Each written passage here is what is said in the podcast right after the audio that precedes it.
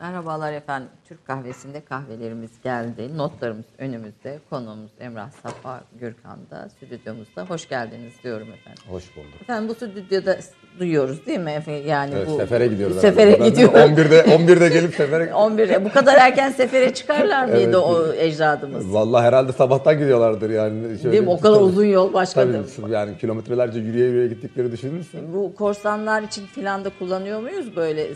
Onu bilmiyoruz zannetmiyorum ama onların kendi özel şeyleri var. Bunu mehter marşlarının büyük bir çoğunluğu sonradan 20. yüzyıl başlarından kalmış. Yani 16'da 17'de yapılanları bilmiyoruz diye biliyorum Yani, ben. yani ha, aslında öyle hani çok da o kadar real mehter Bil- marşı bil- tarihte yok. görmüyoruz. Bilmiyoruz çünkü bizde o notalama sistem falan geç geliyor. Bugüne kalmadığını biliyorum. Çok emin değilim ama %90 öyle diyeyim. Ben öyle duydum. Ama çok e, hakim olduğum bir alan değil. Peki teşekkür ederiz arkadaşlar. Şimdi Emrah Sefa Gürkan kim efendim? Ee, onu bir, bir biraz sonra izleyeceğiz ama onun öncesinde son derece renkli bir kişiliksiniz. Bir defa bilinen Evet gördüğünüz gibi. gibi evet papyonlarınız. Yani ben de size uymaya takmaya çalıştım fakat hocam çok zormuş. Şunu şey yapana kadar şu fiyonku bağlayana kadar Evet, canım çıktı yani. bağlamak zormuş yani. Zor zor bir şey. Ee, bir defa papyonlu bir tarihçisiniz. Ee, renkleriniz, kullandığınız renkler, anlatım diliniz vesairesi itibariyle bildiğimiz klasik tarihçi e, profiline hiç uymuyorsunuz. İşte öyle ağır başlı.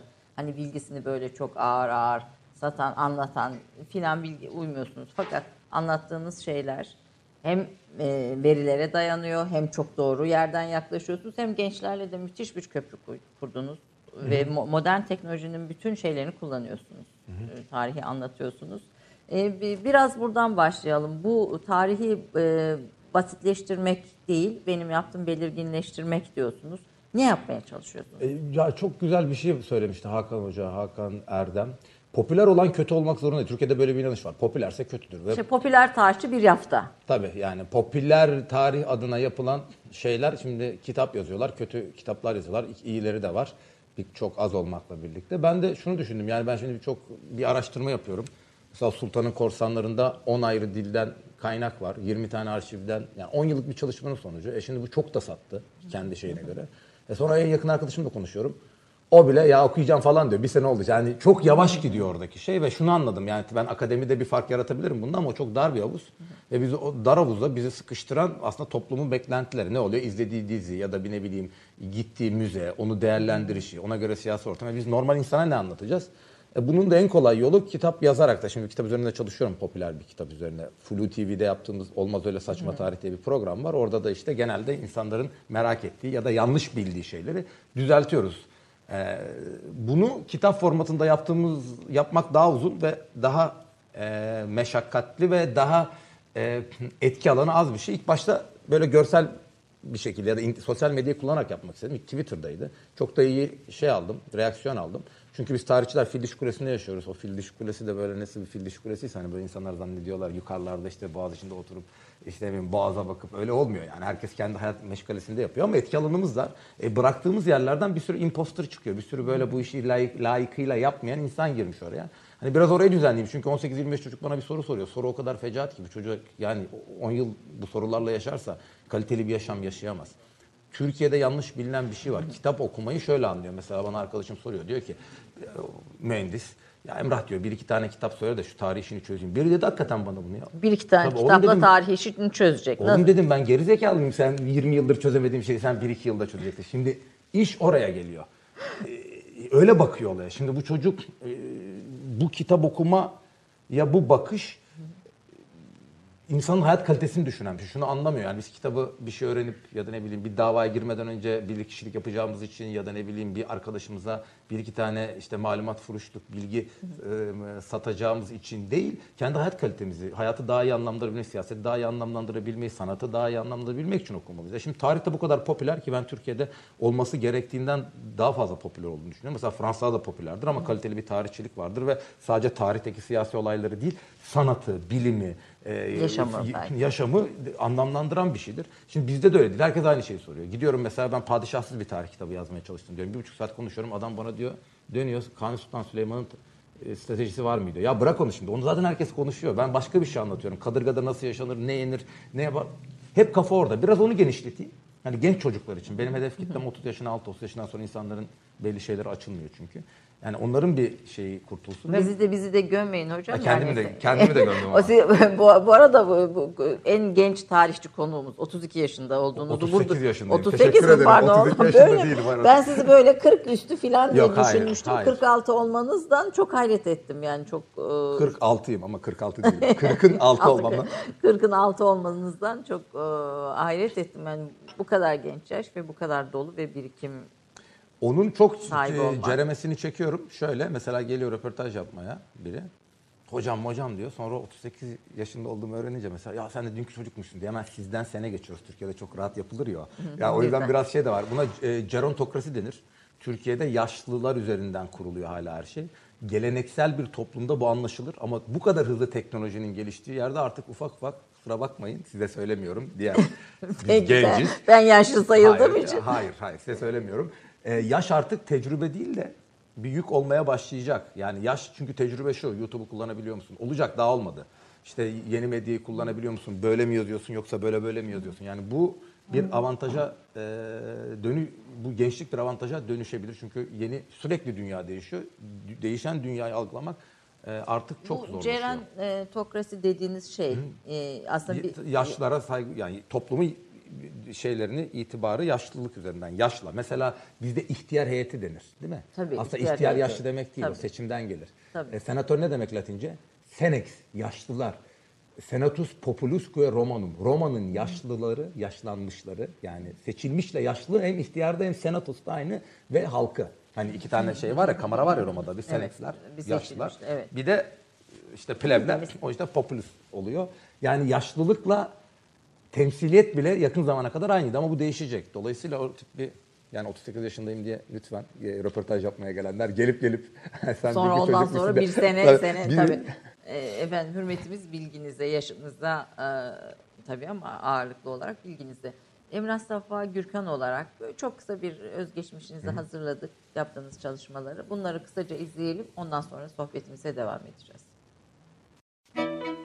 Emrah Safa Gürkan, tarih ve edebiyata olan ilgisini babasından aldı. Çocukluğunda babasıyla sahaf sahaf gezdi.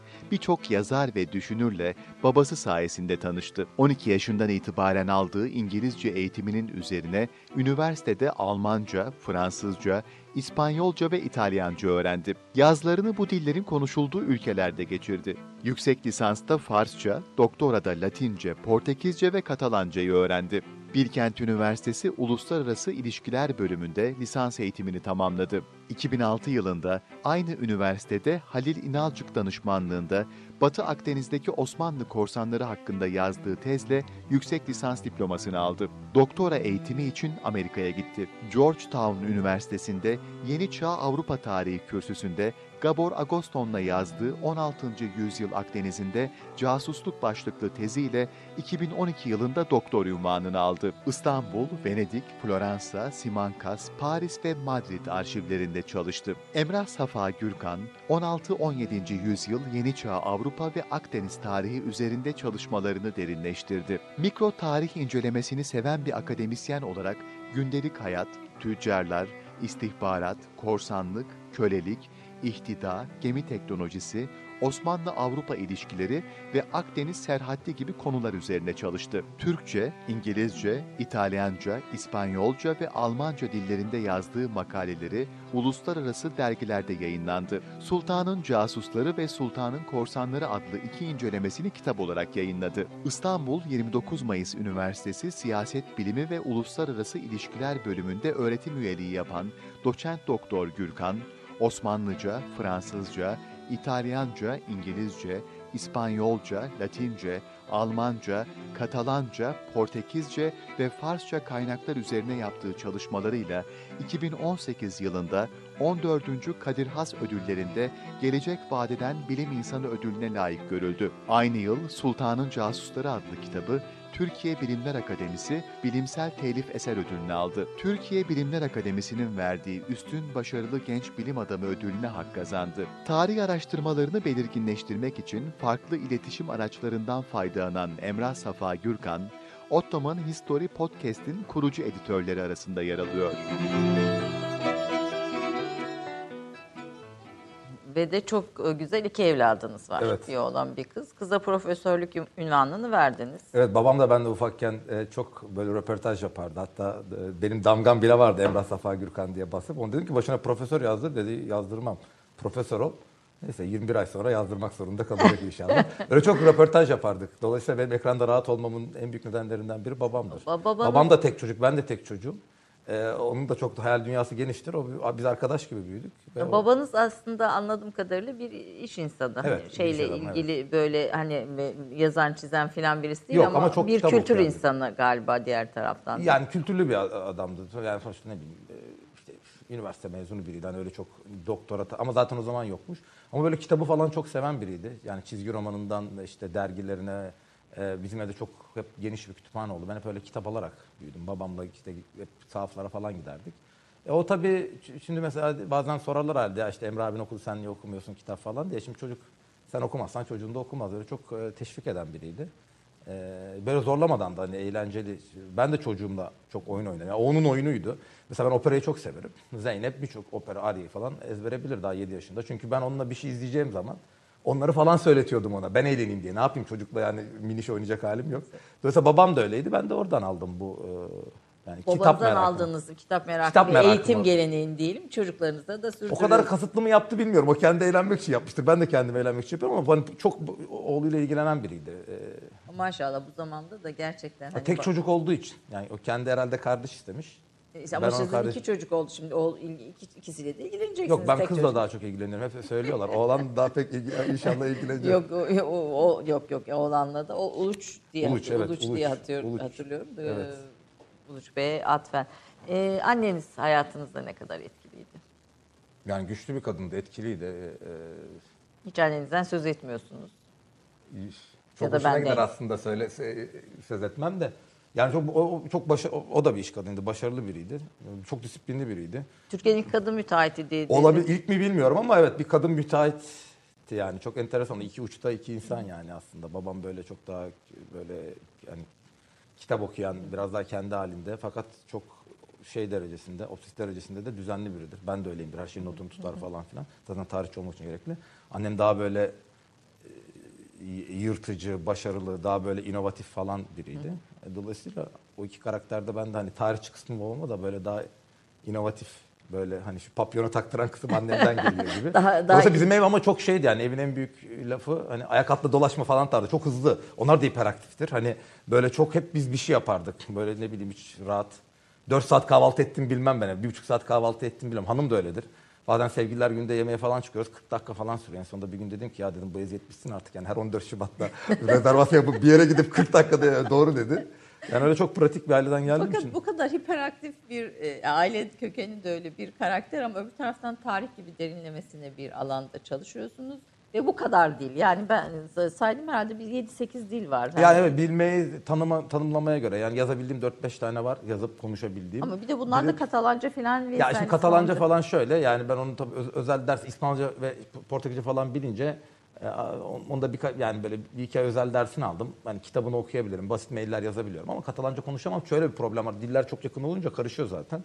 Ama geçen şeydeydim mesela Alicante'deydim. E, Valencia'nın altında bir yer. Orada yani mesela Katalanca bir sunum falan olduğu zaman rahatça dinleyebiliyorsunuz. Bir problem olmuyor. Hani bilmeyi tanımlama. Yani Latince biliyorum diyemezsiniz. Çünkü Latince öyle bir dildir ki çok zordur. Aktif kullanmıyorsanız unutursunuz ya da Farsça için öyle. Yani bazılarını bildim, öğrendim, unuttum. Hani öyle katalog ama bir 5-6 tanesini e, konuşurum, rahat konuşurum. Ders verdim yazıyorsunuz. yani yazıyorum. makale, Evet. uluslararası dergilerde Evet yani o biraz ç- bir kendinizi şey yapmanız için. O benim için bulmaca çözerler benim için bir oyundu.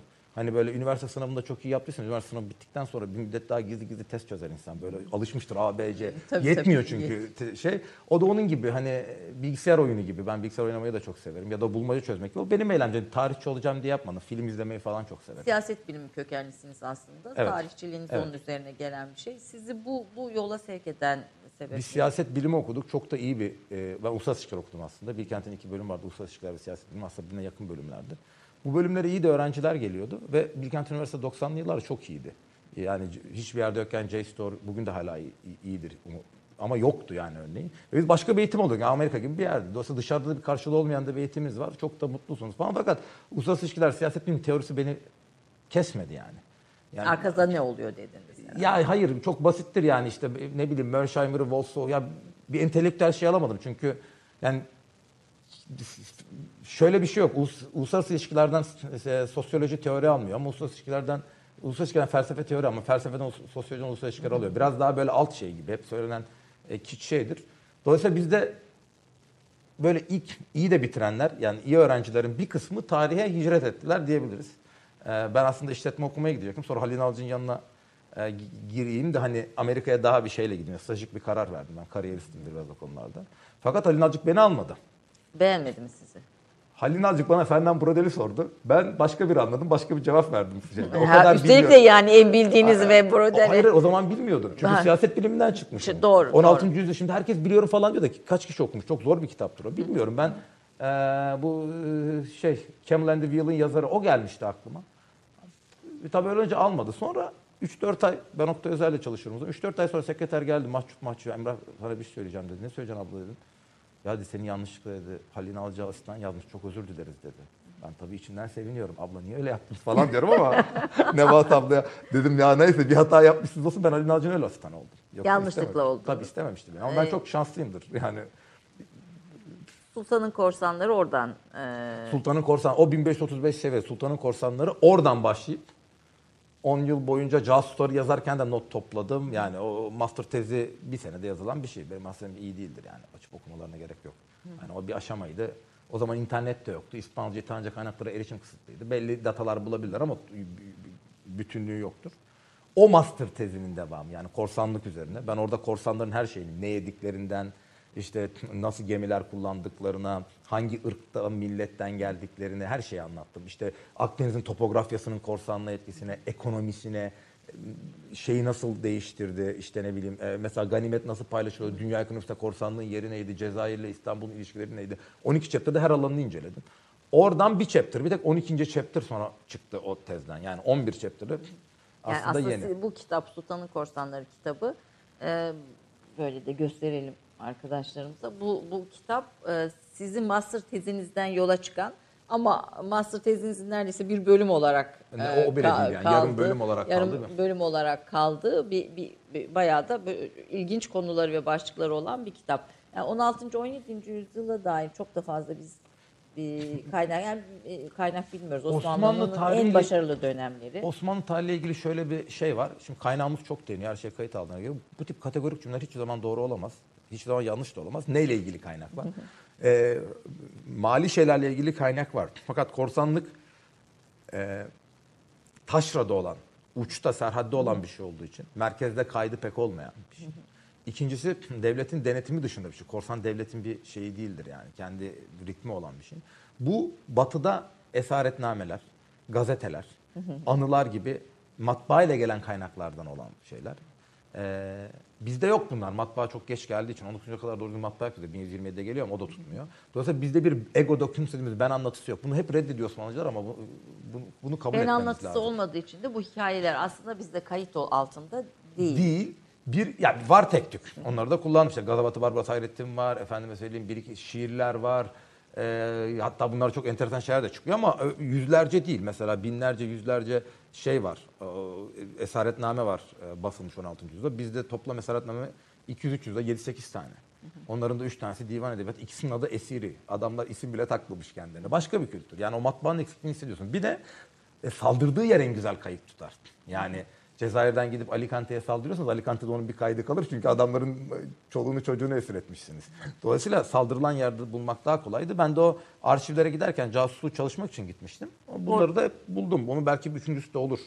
Bir esaretle ilgili de ama şimdi daha genç arkadaşlar o konularda çalışıyor. Eğer hakkıyla çalışırsa yazmayacağım ama hani onun bir üçlü proje olarak düşünün. Casuslar, korsanlar ve esirler.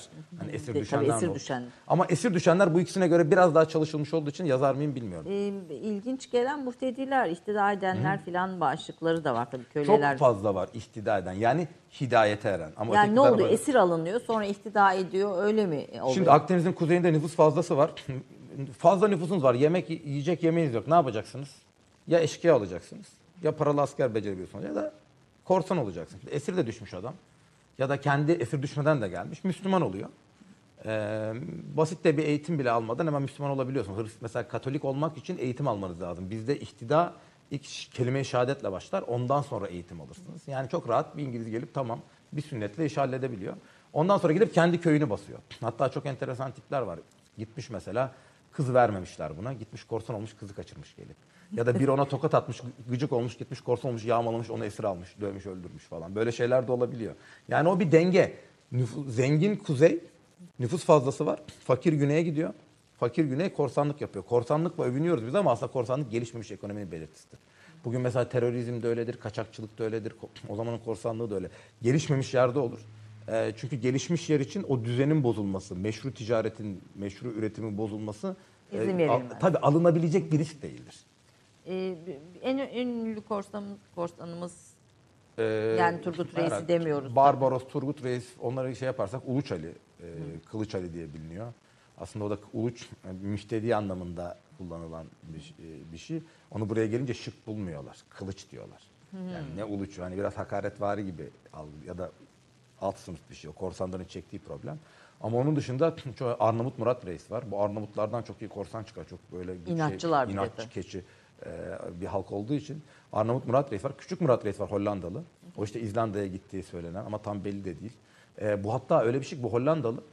1600'lerin 1604'te Hollanda, İspanya, İngiltere barış yapınca Hollandalı adamlar, şeyler, denizciler işsiz kalıyor. Bunlar geliyorlar Cezayir'e. Bazısı Hristiyan kalıyor birka- ama çoğu Müslüman oluyor.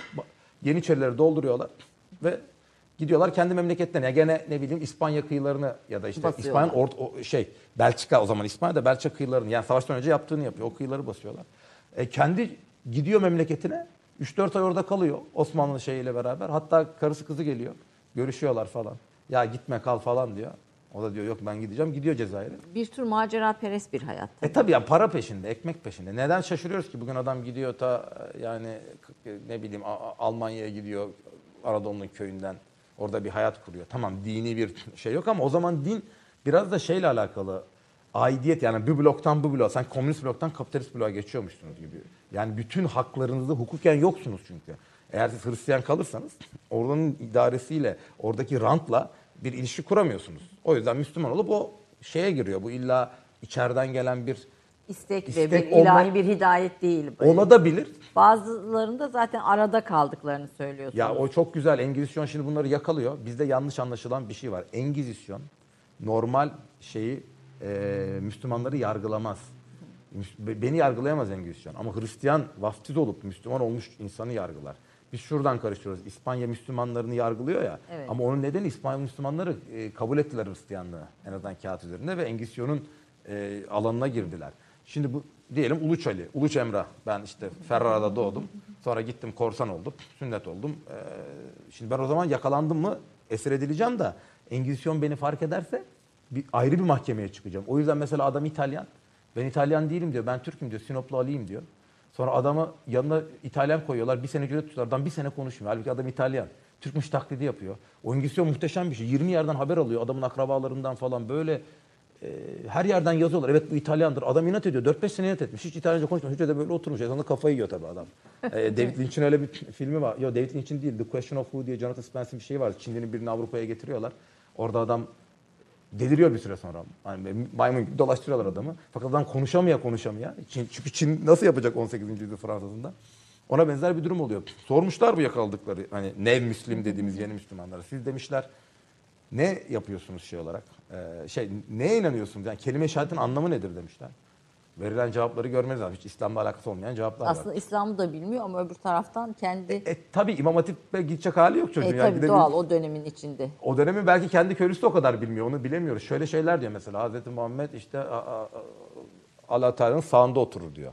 Hazreti İsa o Evet, şey, ya da işte şöyle garip Hazreti Muhammed e, en büyük e, şey Allah işte Allah'tan büyük ilah yoktur. Hazreti Muhammed ondan büyüktür ya aşağı. Ya şimdi ne anlıyorsun kafandan? E, hani en büyük oydu? Öyle şeyler söylüyor ki hiç alakası yok. İşte bazıları böyle abuk subuk e, Hristiyanlıktan gelen şeyler var. Bazıları da abuk subuk hayali şeyler uydurmuş. O kelime-i şehadetle anladıklarını bir araya koyunca hepsinin değil ama bir kısmının mevzudan hiç haberi olmadığını görüyorsun. Engizisyon'da yargılanan çok böyle oluyor mu?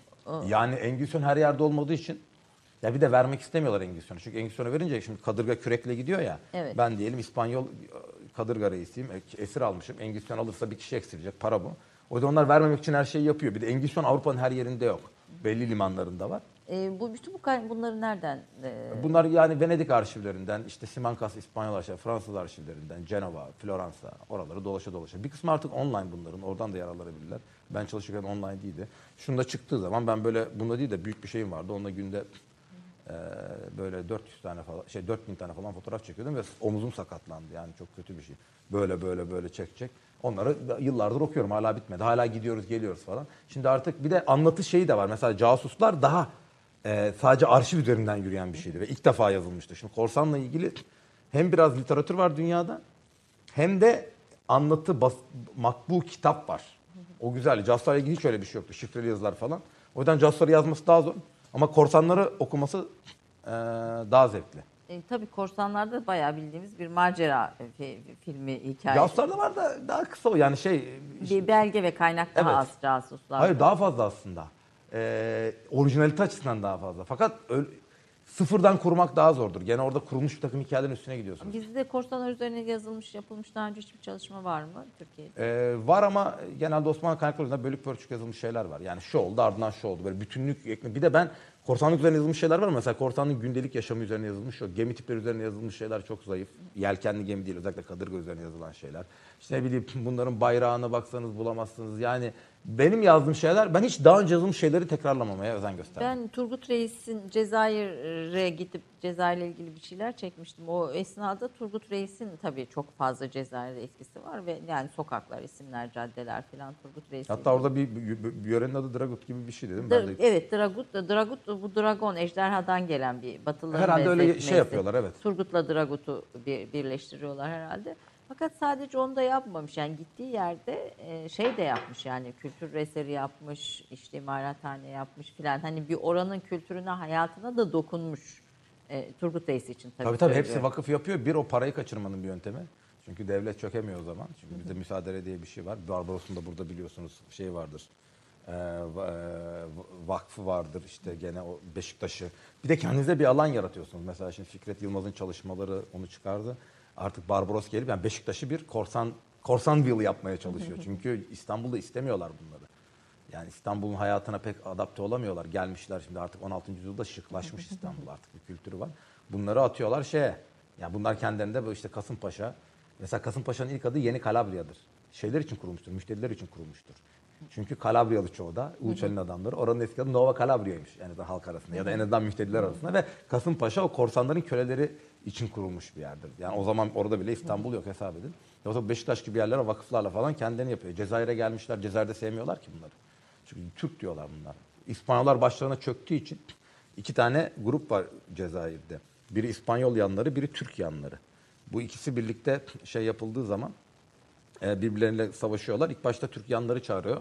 Barbaros gelip İspanyol yanları öldürüyor. Sonra Barbaros'u 1520'den yani Hayrettin'i Oruç ölünce, Barbaros'un abisi Evet. ölünce kovuyorlar Cezayir'den. Yani Müslümandır o Türkler merhaba hoş geldiniz falan olmadığını bugün Suriyelilerle ilgili Türkiye'deki sıkıntıdan anlaşılabilir. tabii, tabii, ya öyle tabii, bir dünya yok. Ya da Filistinler sevmiyorlar. İşte Arap dünyası konuşuyor herkes Filistin davası da e şimdi yüz binlerce adam gelince e, sıkıntı Ya çıkıyor. onlar da sizi sevmiyor. Yani Filistinlilerin içinde de ben çok... e, Tabii tabii öyledir yani. Çünkü hayatın gerçeği. çok denk gelmişimdir yani siz de bizi sömürdünüz Osmanlı olarak falan diye. Tabii yok hayır. Ben şimdi mesela Filistin Ürdün'e gidiyor ya. E şimdi Filistin problem var. Bütün İslam dünyası arkasında. Okey güzel.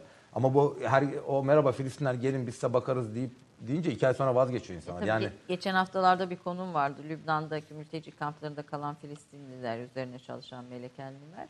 Ee, mesela Lübnan'da Filistin kamplarındaki Filistinlileri ve yaklaşık o- 35-40 yıldır oradalar.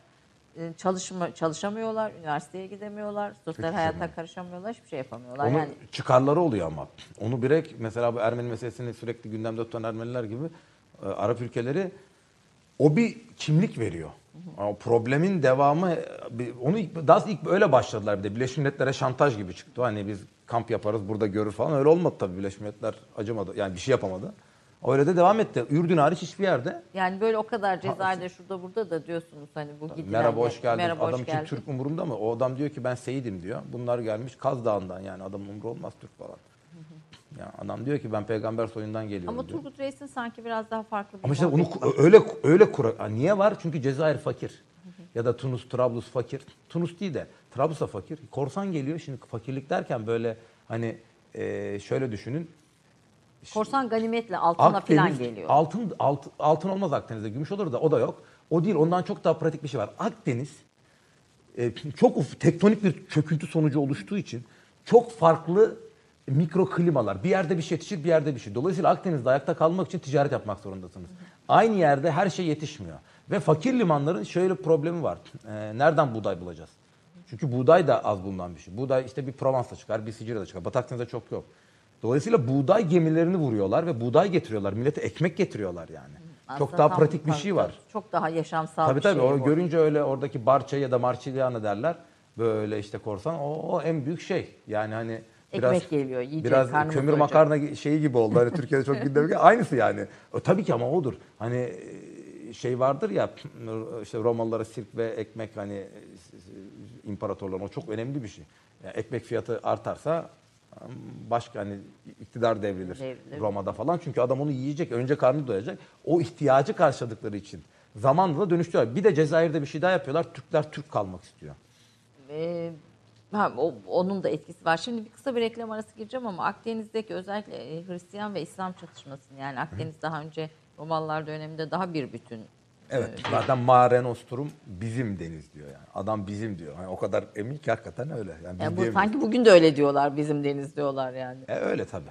Yani, bir- a- siz Avrupa tarihinde çalışmış birisiniz o 10 yıla yakın. Bugün de diyorlar çünkü güçleri var. Ama o gün hakikaten yani o günkü başka bir şeydi. Roma döneminde özellikle bu korsanlığı bitirince Sezar'dan sonra e, bütün Roma tek yani tek bir deniz şey yapabiliyor. Ee, bir de korsanlar bahsini e, bitirip casuslara geçeceğim çünkü o, o da ilginç bir, bir bahis. Ee, Akdeniz'de en ünlü korsanlar, e, korsan milletler diyelim kimlerdi? Valla? Ce- bizde Cezayir, Trablus, Tunus'ta genelde şey yapmışlar. Hristiyan tarafında bizimkinin dörtte, dörtte biri, beşte biri kadar bir hacimine sahip olan Malta. Ee, Saint Jean şövalyeleri var ya San Giovanni şövalyeleri. Bunlar haçlarda, ha- haçlar için kurmuş bir keşiş tarikat. Sonra Rodos'a, oradan biz kovunca da Malta'ya gidiyorlar. Bir tane de e, şey var. E, Floransalı Livorno'da Santo Stefano şövalyeleri var. Onun dışında da her limanda 2-3 vardır. Si- Sicilya'da falan e, ne bileyim belli limanlarda e, bunları bulabilirsiniz. Ancak genelde bu ikisinde. var. Bir de uskoklar var Adriyatik'te ama onlar ufak korsan. Yani Adriyatik çapında. Ama Türk korsanları büyük korsan. Büyük çünkü endüstriye dönüşmüş. Çünkü bu limanlar geri kalmış. Yani Marsilya'daki adam korsanlıkla ama ticaret yapabiliyor. Bizimkiler ticaret yapabildiği her zaman yapacak. Bir ara 1800'lerin başına ticaret Napolyon blokaj koyuyor ya bütün kıta Evet, Avrupa'sına. evet. Tak diye Tunuslar ticarete geçiyor. Ticaret yapamadığı için korsanlık yapıyor yani. Sahte Windows satma gibi bir şey. Gerçeğini yapsa Türkiye'de sahtesini sattırırlar mı öyle düşün. Onun gibi bir şey. Yani dönemin koşulları diyorsunuz. Tabii, tabii. Ticaret, alışveriş, yeme, içme, Tabii. bütün bunlara ilişkin koşullar. Ekmek- ek- Ek- ekmek ekmek derdi. derdi. Ekmek Korsanları o denizlere attı diyorsunuz. Evet, evet. Efendim kısa bir reklam arası sonra bu renkli söyleşiye devam edeceğiz. Bir dakika reklam arası. Romandan şiire, tarihten düşünceye, klasik metinlerden özel edisyon çalışmalara kadar geniş bir yelpaze ve yüksek bir frekanstan yayın yapmayı hedefleyen Ketebe, şimdiden Türk kültür hayatında kalıcı ve önemli bir yer edindi. Edebiyatımızın seçkin eserlerine, genç kalemlere, tarihimizin engin zenginliğine, dünya edebiyatının hem güncel hem de klasik metinlerine, düşünce dünyamızın, maneviyat tarihimizin köşe taşlarına ve gün yüzüne çıkmamış değerlerine ev sahipliği yapmak, Ketebe'nin yayın politikasının omurgasını oluşturuyor. Dünya standartlarında bir yayıncılık anlayışı ve deneyimli kadrosuyla yola çıkan Ketebe yayınları, kitaba, kağıda ve söze hürmet eden bir medeniyetin parçası olarak her şeye geçer, yazı kalır diyor. Reklam arası sona erdi. Efendim e, Emrah Safa Gürkan ile e, tarihi 16. 17. yüzyılı Akdeniz sularını konuşuyoruz. E, bu arada kahvemizin yanına çayı da ilave ettik. Hocam korsanlar kahve içiyor mu hiç? Veya kahve ticaretinde korsanların bir etkisi olmuş mu hiç baktınız mı? Ee, bizdeki kahve ticaretinin mantığı değişik ama mesela ortaki tarafta Brezilya'dan geliyor da bize Yemen'den falan geldiği için Akdeniz üzerinde bir kahve ticareti yok dolayısıyla. yani güzergahın üzerinde. Güzergahın üzerinde okyanustan vurmuşlardır tabii. Ee, Kahveyi şimdi hatırlamıyorum. Kitapta bakmam lazım. İnsan kendi yazdığını unutuyor ama tütün içtiklerini biliyorum. Tütün. Ama kahve çok sanki böyle var mı şeylerde hiç? e, İçiyorlar. Yani gemide bilmiyorum hakikaten şu anda şey Tamam. e, çok emin değilim. İlla biri içmiştir de şey tütünü hatırlıyorum işte. Hatta gitarvari bir şey çaldıklarını söyler. Yani tam ifade gitarra gibi bir ifade var ama tabii o zaman neye denk geliyor tam bilemiyorsunuz. Tabii bu Karayip korsanlarını biraz önce stüdyoda kameraman Evet o hep geliyor yani sürekli Karayip Korsanları. Ne e, kadar gerçek filan. E, bu Black Sails vardı mesela. Ya şunu mesela gemiyi falan yapıyorlar da ana mantıkta yanlış oluyor. Mesela bir tane adı oluyor Black Sails'da. Herkes oraya geliyor kaçakçılar. Öyle öyle olmaz yani öyle yaşatmazlar. Bir tane barda dönüyor olay meyhanede. Öyle tabii çok basitleştirilmiş. E, genelde ben de dizilere danışmanlık yaptım. E, sizden çok teknik şeyler istiyorlar. Aslında yanlış. Teknik şeyler çözülmese de olur. Yani geminin bilmem nesinin yelkenini kim anlayacak?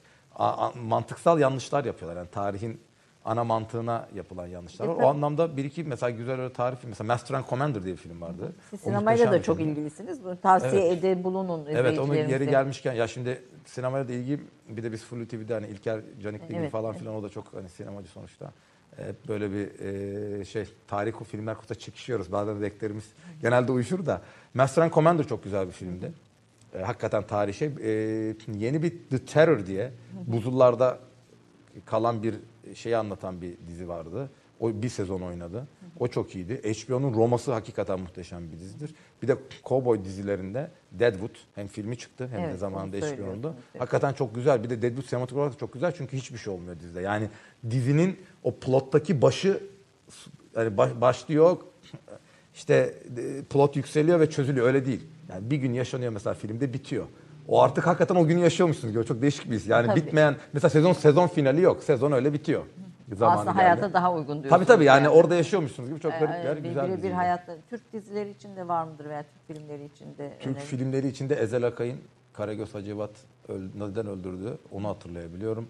E, haksızlık etmeyeyim ama Türk dizilerin hemen büyük bir çoğunluğu ya çok standardın altında. Yani hiç tarih dizisi falan. Kanuni filan da Hürrem filan da Yok. dahil. Ya onlar Yeşilçam dizisi artık çok hani tarihsel kostümlü Yeşilçam dizisi. Ben de o dizileri izlemiyorum yani. E, tarihsel şeyleri de çok yüksek değil. E, birkaçında da çalıştım. E, o, o şey aşılamıyor. Yani Türk izleyiciden kaynaklanan bir şey var. İzleyicinin sevdiği bir romantizm var. E bir- tabii şimdi bir- kaliteli izleyici Netflix'e kaçtı bir de. Daha böyle hani e, çok talepkar olmayan, hikayeden çok talepkar olmayan, gözünün böyle beyazıyla izlemek isteyen bir şey kaldı televizyonda. Bizim izleyenler hariç, şu anda izleyenler hariç. E, İzleyicilerimizi tabii bizim izleyicilerimiz en Bizim izleyicilerimiz en kralı. Evet çünkü pazar 12'den önce te- televizyon Bizim izliyorlarsa Evet. Programımız ama bizim başka saatlerde Tabii. de yayınlanıyor. Akşam da galiba tekrar Akşam da tekrarlarında var. Bu akşam da yine tekrar var. Cumartesi yayınlanıyor ve iyi bir sıkı bir izleyicimiz var ve gençler YouTube'dan da izliyorlar. Ee, Gençler de izleyicilerimiz. Şimdi gel yani o kadar gençleri alıştırdınız ki hedef kitleniz olarak ben kendi yaş grubumu neredeyse böyle izleyici skalasından e, dışında vallahi düşünmeye gençler- başladım. gençleri televizyondan kaybediyorsunuz. Çok az. Onlar tabii şey tamamen YouTube, internet filan. Tabii e, artık ya kontrolün kendinde olduğu bir şeyi tercih ediyor. Neden televizyona? E, çünkü eli çok çabuk yani. Sanki kolu gibi kullanabildiği için klavyeyi. Neden gidip bir ekranın başına? Anca otobüste falan böyle izliyorum ben. Hani ya da uçakta izliyorum. Onda bile DVD şeyi var artık. Dolayısıyla biraz öyle bir problemi var. E, o yüzden zaten siz de internete de koyuyorsunuz değil mi? Tabii koyuyoruz. Bir de tabii bir, bir programdan önce de konuştuk. Daha birey oldu Türk. Tabii tabii tabii. O çok net yani. Türkiye'nin onu anlaması lazım. Biraz bu Osmanlıcılıkla yükselen bir hayal dünyası oluştu. İyi güzel bir şey. Mesela benim işim bu. Hani tarihin sevmesi falan. Fakat şöyle bir yanlışlık var. Ee, tü- toplumların kültürel değerleri maddi değerlerdeki değişimleri bir 30-40 yıl geriden takip eder. Bugün artık en muhafazakar ailede bile e, yani en böyle şey ailede bile aynı masaya oturulsa bile herkesin elinde cep telefonu var. Türkiye bireyleşiyor. AVM toplumu olup 1940'lardaki adetlerle 20. Yaşama. yüzyılda yaşama. Yani en azından biraz modifiye edin. Güzelleri kalsın tamam da hani onu paket olarak mesela öğrenci geliyor böyle işte bir şey soruyorum. Hocam siz daha iyi bilirsiniz. Hayır diyorum sen daha iyi bilirsin. Hocam siz de ya ben daha iyi bileceksin. Yani bunu öğrenmen lazım. Yarın iş, iş görüşmesine gideceksin. Anlaşılıyor ki beraber gitsek ben 10 bin alırken sana 4 bin verecekler bu tabirden. Bunu hani o tip şeylere biraz ayarlaması lazım. Tarih okuması ya da kitap okumak onu da gösterebilir. Şimdi her zaman bir gün İlker sormuştu bana omuzları saçma tarihte. Tarih niye çalışılır dedi. Şimdi onu biz böyle çekiyoruz. Buraya koyuyor. Arkadan soruları soruyor. 2 saat çekip sonra İzliyorum, kesiyor. Evet. Tak diye aklına gelen her soruyu soruyor adam. Sinemacı. Ben böyle kaldım. Tarih neden çalıştı? Allah'tan hemen aklıma geldi. Yani çok en sıkıştığım soruydu. Ya insanlığın bir laboratuvarı yok. Ve dolayısıyla siz toplumun değişimini görmeniz için o tarihi okumanız, kitap okumanız, onu görmeniz lazım. Çünkü 25 derecede bir laboratuvar gibi değer, Görme değer- imkanı. yok. Bakacaksınız toplum. Ama tabii o orada da herkes kendi gözlüğünü Tabii takıyor. tabii ki kendi. kendi gözlüğünü takıyor. Hatta bu Batı'nın tarih bakışıyla programın başlıkları içinde onu da not olarak almıştım.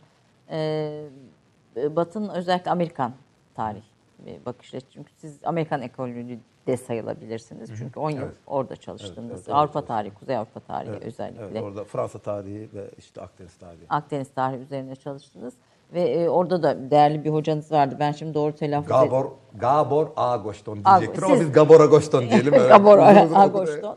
Ee, Gabor Agoston'a çalıştım. Bir de e, şey çevre tarihçi John McNeill ve Fransız tarihçisi şeyle e, James V. Collins'le çalıştım. Biz Bu. Sultan'ın casusları da o oradaki çalışmaları. Evet oradaki çalışmanın bir chapter o. Benim tezim değil. Benim tezim 600 sayfa. O bir chapter'ın Osmanlı ile ilgili olan kısmının genişletilmişi. Osmanlı, Venedik, Habsburg'un bir karşılaştırmasıydı benim tezim. Peki bu o, özellikle Amerikan tarihi, Amerikan okullarında Georgetown gibi böyle çok da önemli bir okulda bir, bir- böyle bir çalışma içinde bulundunuz. Onların tarihe bakışıyla bizim tarihe bakışımız arasında bir fark, bir kıyaslama yapar mısınız? 3-4 değişiklik var. Birincisi orada artık bir şey kültürel bir devrim olmuş. Orada artık gücün tarihi falan yapılmaz. Bu siyasi tarih yapılan mesela Oxford'da Cambridge'de yapılır ama Amerika'da o iş bitmiştir. Artık siyasi tarih siyaset bilim bölümlerinde falan yapılıyorlar 19-20'den sonra özellikle. Orada artık birkaç çalışma şeyi var. Bir çevre tarihi çok ileride. Ee, strüktürel anlamda o Brodel'in ilk cildinden gelelim. Hani coğrafya neyi etkiliyor falan. Ee, Georgetown'da çok güçlüydü o şey. Benim hocalarımdan biri de rahmetli hem de Immanuel Wallerstein'in öğrencisi. Çok da entelektüel bir adamdı. Faruk Tabak'tı. Allah rahmet eylesin. Ganige çok genç yaşta kaybettik. Ee, o öyle biriydi. Onun dışında bir başka da subaltern dediğimiz Türkçe'de çok güzel şey mesela maduniyet diye.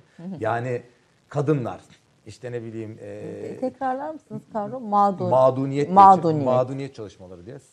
Laf acayip ama Evet. subaltern da acayip zaten. Amerikalı bilmez yani. Subaltern yani ihmal edilmişler.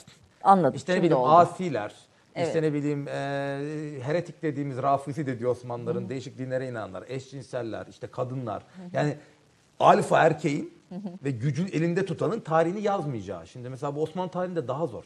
Çünkü bilgi demokratikleşmemiş. Adamda matbaa var. Daha 15. yüzyılda, 16. yüzyılda pardon 1555'te bir Bamberg'de cellat. Cellatlık orta çağda sevebileceğiniz en kalitesiz meslek. İnsanlar konuşmuyor bile sizle. Milleti öldürüyorsun. evet adam yerine koymadı. Tabii bu Michel Zevako romanında var. Pardiyanların 3. cildinde vardı galiba. Bir tane cellatın bir kızı vardı. Kız evlenemiyor falan. Çok şeydi şimdi. Bak, hala üzüldüm yani. Burnumun direği sızladı. O kadar etki etmiş bende. Ee, o cellat anı yazmış ya. Bir- Yani günlük ve not yazmış. 16. 1555'te. yüzyılda diyorsun. 1555'te Bamberg neresi de orada bir anı. Şimdi bize bunlar yok. Dolayısıyla siz mesela bir Osmanlı kadının üzerine Süreyya Farik'in bazı çalışmaları falan var. Güzel ama çok şey yazamıyorsunuz. Yani bir Osmanlı köyünde kadın ne yapardı? Ya da işte hep bu peynir ve kurtlar vardır Carlo Ginzburg'un. Ya bir tane köylü 1590'da çıkıyor diyor ki Tanrı manrı yok diyor. Her şey diyor evren kendiliğinden oluşmuştur diyor. E şimdi bu, Genghis Han oluyor bunu dinliyorlar. Adam bayağı teori yapmış. Nereden yapmış? 14-15 tane kitap okumuş. Köyde 1590'da. O yüz- o- o- o 1940'ta yılda, Türkiye köyünde var mıydı acaba 14 tane? Yani o matbaayla beraber bir devrim olmuş. Kaynaklar artmış. Ve orada o tarih yapılabiliyor. Bizde de yapılabilir de biraz daha tabii zor, zor olarak, e, zor şekilde yapılıyor. Mesela bir Asi'nin bakış açısı nereden? Şimdi Köroğlu'ya bakın. Köroğlu'yu okuyun göreceksiniz. Orada bir merkez devlet eleştirisi var. Ama sözlü kültür yani ben çok çalıştım, bakmaya Cemal çalıştım. Kafadar çıkamadım. falan da çok çalışıyor. Tabii Cemal Kafadar işte o yapıyor zaten. Evet. Ama olmuyor yani. Yani o kadar rahat olmuyor. Hani bin ki sayfa şey çıkmıyor oradan böyle mono neler yazıyorlar Avrupa'da. Ee, onun karnavalı var. Dolayısıyla bir öyle bir mağduniyet üzerinden bir e, çalışma e, var. İşte bu değişik e, grupların hani sarayın da dışında e, bu iki eksende özellikle çok popüler olduğunu söylemiyorum. siz, e, hangi eksende daha çok? Mağduniyet üzerine mi? Ben ikisini de, ya ben ikisini de yedirmeye çalıştım. Öyle bir Yani seçeneğim hem yok. coğrafya var. Bu, bu, Evet, bu- coğrafyayı da- Brodel'in Akdeniz'in hep öneriyorsunuz. Ben de sizin Evet önerinizi. bir de bir de The Corrupting Sea diye bir kitap vardı. Brodel'e cevap olarak yazılmıştır. Ee, Nicolas e, Purcell'le Nicolas Purcell. yani coğrafya eksenli e, tarih Tabii, bakışına bu- karşı bir. O, o- Hayır hayır hayır, iki değişik. Yani Brodel diyor ki bir ünitedir, öteki diyor ki hayır değildir. O ikisini görünce Akdeniz ikliminin yani mesela adam bize şey yazıyor Mısır. Mısır eyalet diye kitap yazıyor. Ya Nil'dir Mısır. Mısır diye bir yer yok. Nil. Nil nehri taşar. Güzel taşarsa ve senin de kanal sistemin varsa çok iyisin. Yoksa Tarım. çok kötüsün. Eğer o kanal sistemini 300 yıl götürürsen Tanrı Kral Firavun olursun. 20 yıl götüremezsen hop alaşağı da. O kadar Nil'le alakalı ki o kadar spesifik bir coğrafya ve iklim ki. Şimdi o Nil'i anlamadan Osmanlı'nın Mısır'da ne yaptığını mesela 16. yüzyılda artık Nil eskisi kadar ben bilmiyorum bu soruların cevaplarını biri yazsın. Yani coğrafyayı anlamadan e, gerisini anlatmanın manası oluyor. İbn Haldun'un işte Tabii, coğrafya tabii. kaderdir sözü. Amerikalılar yani onda yazdı. İbn Haldun da bakmayın Batılılar daha çok şey yapıyor. Yani bizde şimdi çok moda oldu da tarihe en çok yedirmiş olanlar Batılılardır. Ee, Akdeniz şimdi de çok konuştuğumuz bir şey elbette. Ee, Akdeniz bir İslam Hristiyanlık çatışması hani Endülüs İslam devletinden de yola çıkarak merkezi haline gelmeye ne zaman başladı? Ne zaman İşte o monoblok 16. yapısı yüzyılda. çök- 16. yüzyıl. Hayır monoblok yapısı hep çökmüş de 16. yüzyılda e, her iki tarafta da imparatorlukların çıkması, bir de İspanya'dan Müslümanların kovulması ve ticaret hacminin de artması bu korsan devletleri de çıkardığı için 16'dan sonra özellikle. Bir de işin içine devlet girince yani 200 tane kadırgayı İstanbul'dan Cezayir'e yollamak ne demek ya? Bu kadırga kayık saatte ortalama 2 notla gidiyor. Saatte 3 kilometreyle gidiyor ya. 24 saatte 70 kilometre yapıyor. Buradan çek çek çek. Of, bir de of, of. kadırga bir gün minibüs caddesindeki minibüsler gibi bir gün gidebiliyorsa bir gün gidemiyor. Çünkü denizden yüksekliği bir metre falan. Dolayısıyla çok zor şeyler yani. Çok Yani büyük o paralar harcıyor. insanların tabii telef oluyor çoğu Tabii. muhtemelen. Ya bir de yollarda. bizimkiler kürekçi bulamıyor. Çankırı'dan falan alıyorlar. Çank şimdi deniz kenarında yetişmemiş adam kadırgada hemen ölür. Hemen ölüyorlar. Yani Anadolu'da çok adam ölmüş öyle. Çok e, çünkü adam bulamıyorlar. Çankırı'daki adam tabii o şeye dayanamıyor. Deniz havasına. Sıcak, üstü açık. Tabii tente ötüyorlar ama tuz üstünüze yapışıyor. İşte şey kitapta geniş geniş anlat yani kürek Hala şey vardır ya Jean Valjean vardır e, Les Misérables'de. Evet, evet, Sefillerde. evet, evet, evet, E, Onu hatırlarsınız ve mesela şey İtalyanca'da hapse girmek- mahkumu şeyi. İt- it- İtalyanca'da hapse girmek anda, andare in galera'dır. Kadırgaya gitmek denir. Hala bugün. Yani o kadırga aslında bir suç şeydi. Adamlar bulamadığı için suçları Mecburen koyuyorlar. suçlar oraya koy- E, Çoğu da herhalde gidiyor bu, bu kadırgalar. Tabii işte de, zor. Yani ölüm oranları çok yüksek. 3 yıl içinde %33 ölüyor. Bayağı, Yani bayağı bir şey. Ee, ve bozulmaya başladı diyorsunuz Akdeniz'in o şey yapısı. E, tabii. Tabii ondan sonra artık ya o da bir ticaret formu ama. Öyle düşün. Avrupalı için Akdeniz nedir? Ne, ne demektir? A- Yani özel, şimdi 16 şöyle bir tartışma var. 16. yüzyıldan 16. yüzyılda hala çok önemli, çok diri. Akdeniz'in en büyük özel dediğim gibi bir sürü ufak böyle birbirine muhtaç noktalarda çok fazla ufak Bağlantı ticaret ve kabotaj denir bunu. Ufak ticaret çok önemli. Oradan oraya o gidiyor, o köyden buraya gidiyor. Sürekli böyle ufak ufak bilgisayar oyunlarındaki böyle Europa Üniversitesi'ndeki gemiler gibi oraya gidiyor, buraya gidiyor. Öyle bir criss cross eden yani böyle e, binlerce geminin olduğu bir yer. Fakat At- Atlantik çıkacak. Ama Atlantik 17. yüzyılda önem kazanıyor. Atlantik'in de esprisi şu, e, artık Avrupa belli bir kapitalist seviyeye gelmiş, belli bir nüfusa, belli bir finansal altyapıya gelmiş. Biz gelememişiz o altyapıya, onu da söyleyeyim. Hani Osmanlılar niye Amerika'ya gidemedi tartışmaları için. Onu da kitapta yani Olmaz Öyle Saçma Tarihin kitabını yapınca orada da uzun uzun yazdım da hatta bölümü. E, şimdi bunların nüfusu var. Çok güzel. Ekonomisi var. Kaliteli iş gücü de oluşmuş. Ne yok? Ham madde yok. Ham madde ne? Baharat. Hindistan'a gidecek hop. Ne oluyor? Hint yolunu buluyor. Bir de ham madde üretmesi lazım. Şeker, pamuk, kahve. Kahve, Bunları kağıt. şimdi kapitalist ülke kendi şeyinde üretemez. Çünkü onu koyduğunuz topraklar mahvolur. Mesela Madeira adası e, Portekizce tahta demek. Tahta bırakmadılar adada. Gittiler hepsini şey yaptılar. Ya da bir yere şeker götürdünüz mü onu yakacak büyük şeyler kurduğunuz için yani kendi oturduğunuz yerde yapabileceğiniz. Çünkü doğayı mahvediyorsunuz. Tabii Endonezya'da Bu- şeker almak için. Ya bu HESMES yapıyor mesela o şey yapıyor. mahkum Ünivers- Aynı şey için. yani. Siz bir şey üretmek için ya da nükleer santral HES olur, işte ne bileyim e, şeker şey olur. Şimdi doğaya bir bedeli var ve dolayısıyla bunu merkezden uzağa kendi ülkenizde ya marjinal bir yere ya da başka bir ülkeye götürmek istiyorsunuz. Şimdi bu şekeri falan, tütünü, kahveyi gidip Brezilya'ya ektiler. Orada da iş gücünü köleyle sağladılar. Köleler öldü, topraklar mı? Kimsenin umurunda değil. Topraklar mahvoldu. Ya çünkü kimse yaşamıyor zaten orada. Yerleri de öldürmüşler. Zaten yerler de orada artık avcı toplayıcı seviyesinde yani. Onları yok etmek kolay. O yok olmayanları esir ediyor. Şimdi böyle bir sömürü düzeni Bir de kurmak bunları yok etmek üzerine bir felsefeleri de var. her Yani zaman öyle değil. Haksızlık etmeyeyim. Yok etmeyelim diyen Bernard de las Casas diye bir adam var. Adam yalvarıyor. Yapmayın biz hayvan mıyız? Böyle şey mi olur? Bunlar Hristiyan olacaklar. Bazıları Hristiyan olmuş.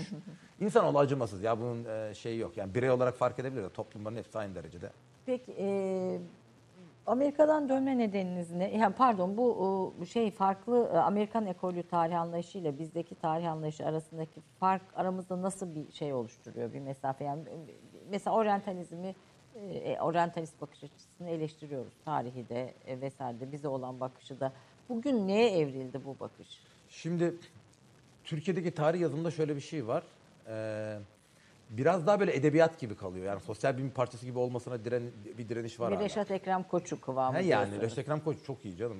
Hiçbir şey diyemem yani. Ee, şöyle evet o ama e, yani biz olanı biz kaynağa aktarırız. Hani çok büyük açıklamalar, bir takım teorik açıklamalar aslında yapılmış entelektüel safsatalardır gibi bir bakış açısı var. Bu yavaş yavaş kırılıyor. Jenerasyonlarla olacak bir şey.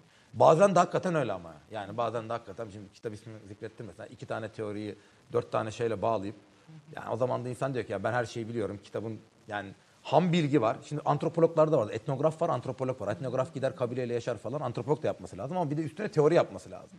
Şimdi siz çok kötü üç lafla e, hiçbir şey bilmeden büyük laflar söylüyorsanız ben de arşivde 50 yıl geçirmiş adam olarak bu nedir ya diyebilmeliyim. O yüzden o ikisinin bir araya gelmesi lazım. Yani arşiv çalışması yapımı ben çok yaptım ama bir takım teorik yerlere de artık bağlam ya bir çıkarım Bir da olmaz. bağlanması Ben lazım. sosyal bilimler te- temelli geldiğim için benim kafamda sorular vardı. O soruların cevapları olmadan bugün de işte kapitalizm bilmem ne diye konuşuyorsak ben 16. tarihçisiyim yani aslında ama benim sorularım korsanla bağlantıda değildi. Şimdi o soruyla gelen. tabii o soruyla beraber değil yani edebiyat yapacaksanız işte şu şuna mı işte kahraman mıyız? Yani bu analitik benim hayatıma kalite katan, benim hayatı daha iyi anlamlandırmamı sağlayan bir soru mudur bu? Biz kahraman mıyız? Kanun büyük Fatih mi? Bunları ne olur ki bilsen yani ne fark eder? Ben gene e, hayatta aynı seviyede devam etmiş olacağım. Yani tabii biraz önce söylediğiniz insan faktörünü bilmeden yok olan bir gaza işte biliyorsunuz. Yani herhalde bu, bu bu şeylerde de herhalde deniz savaşlarında da önemli.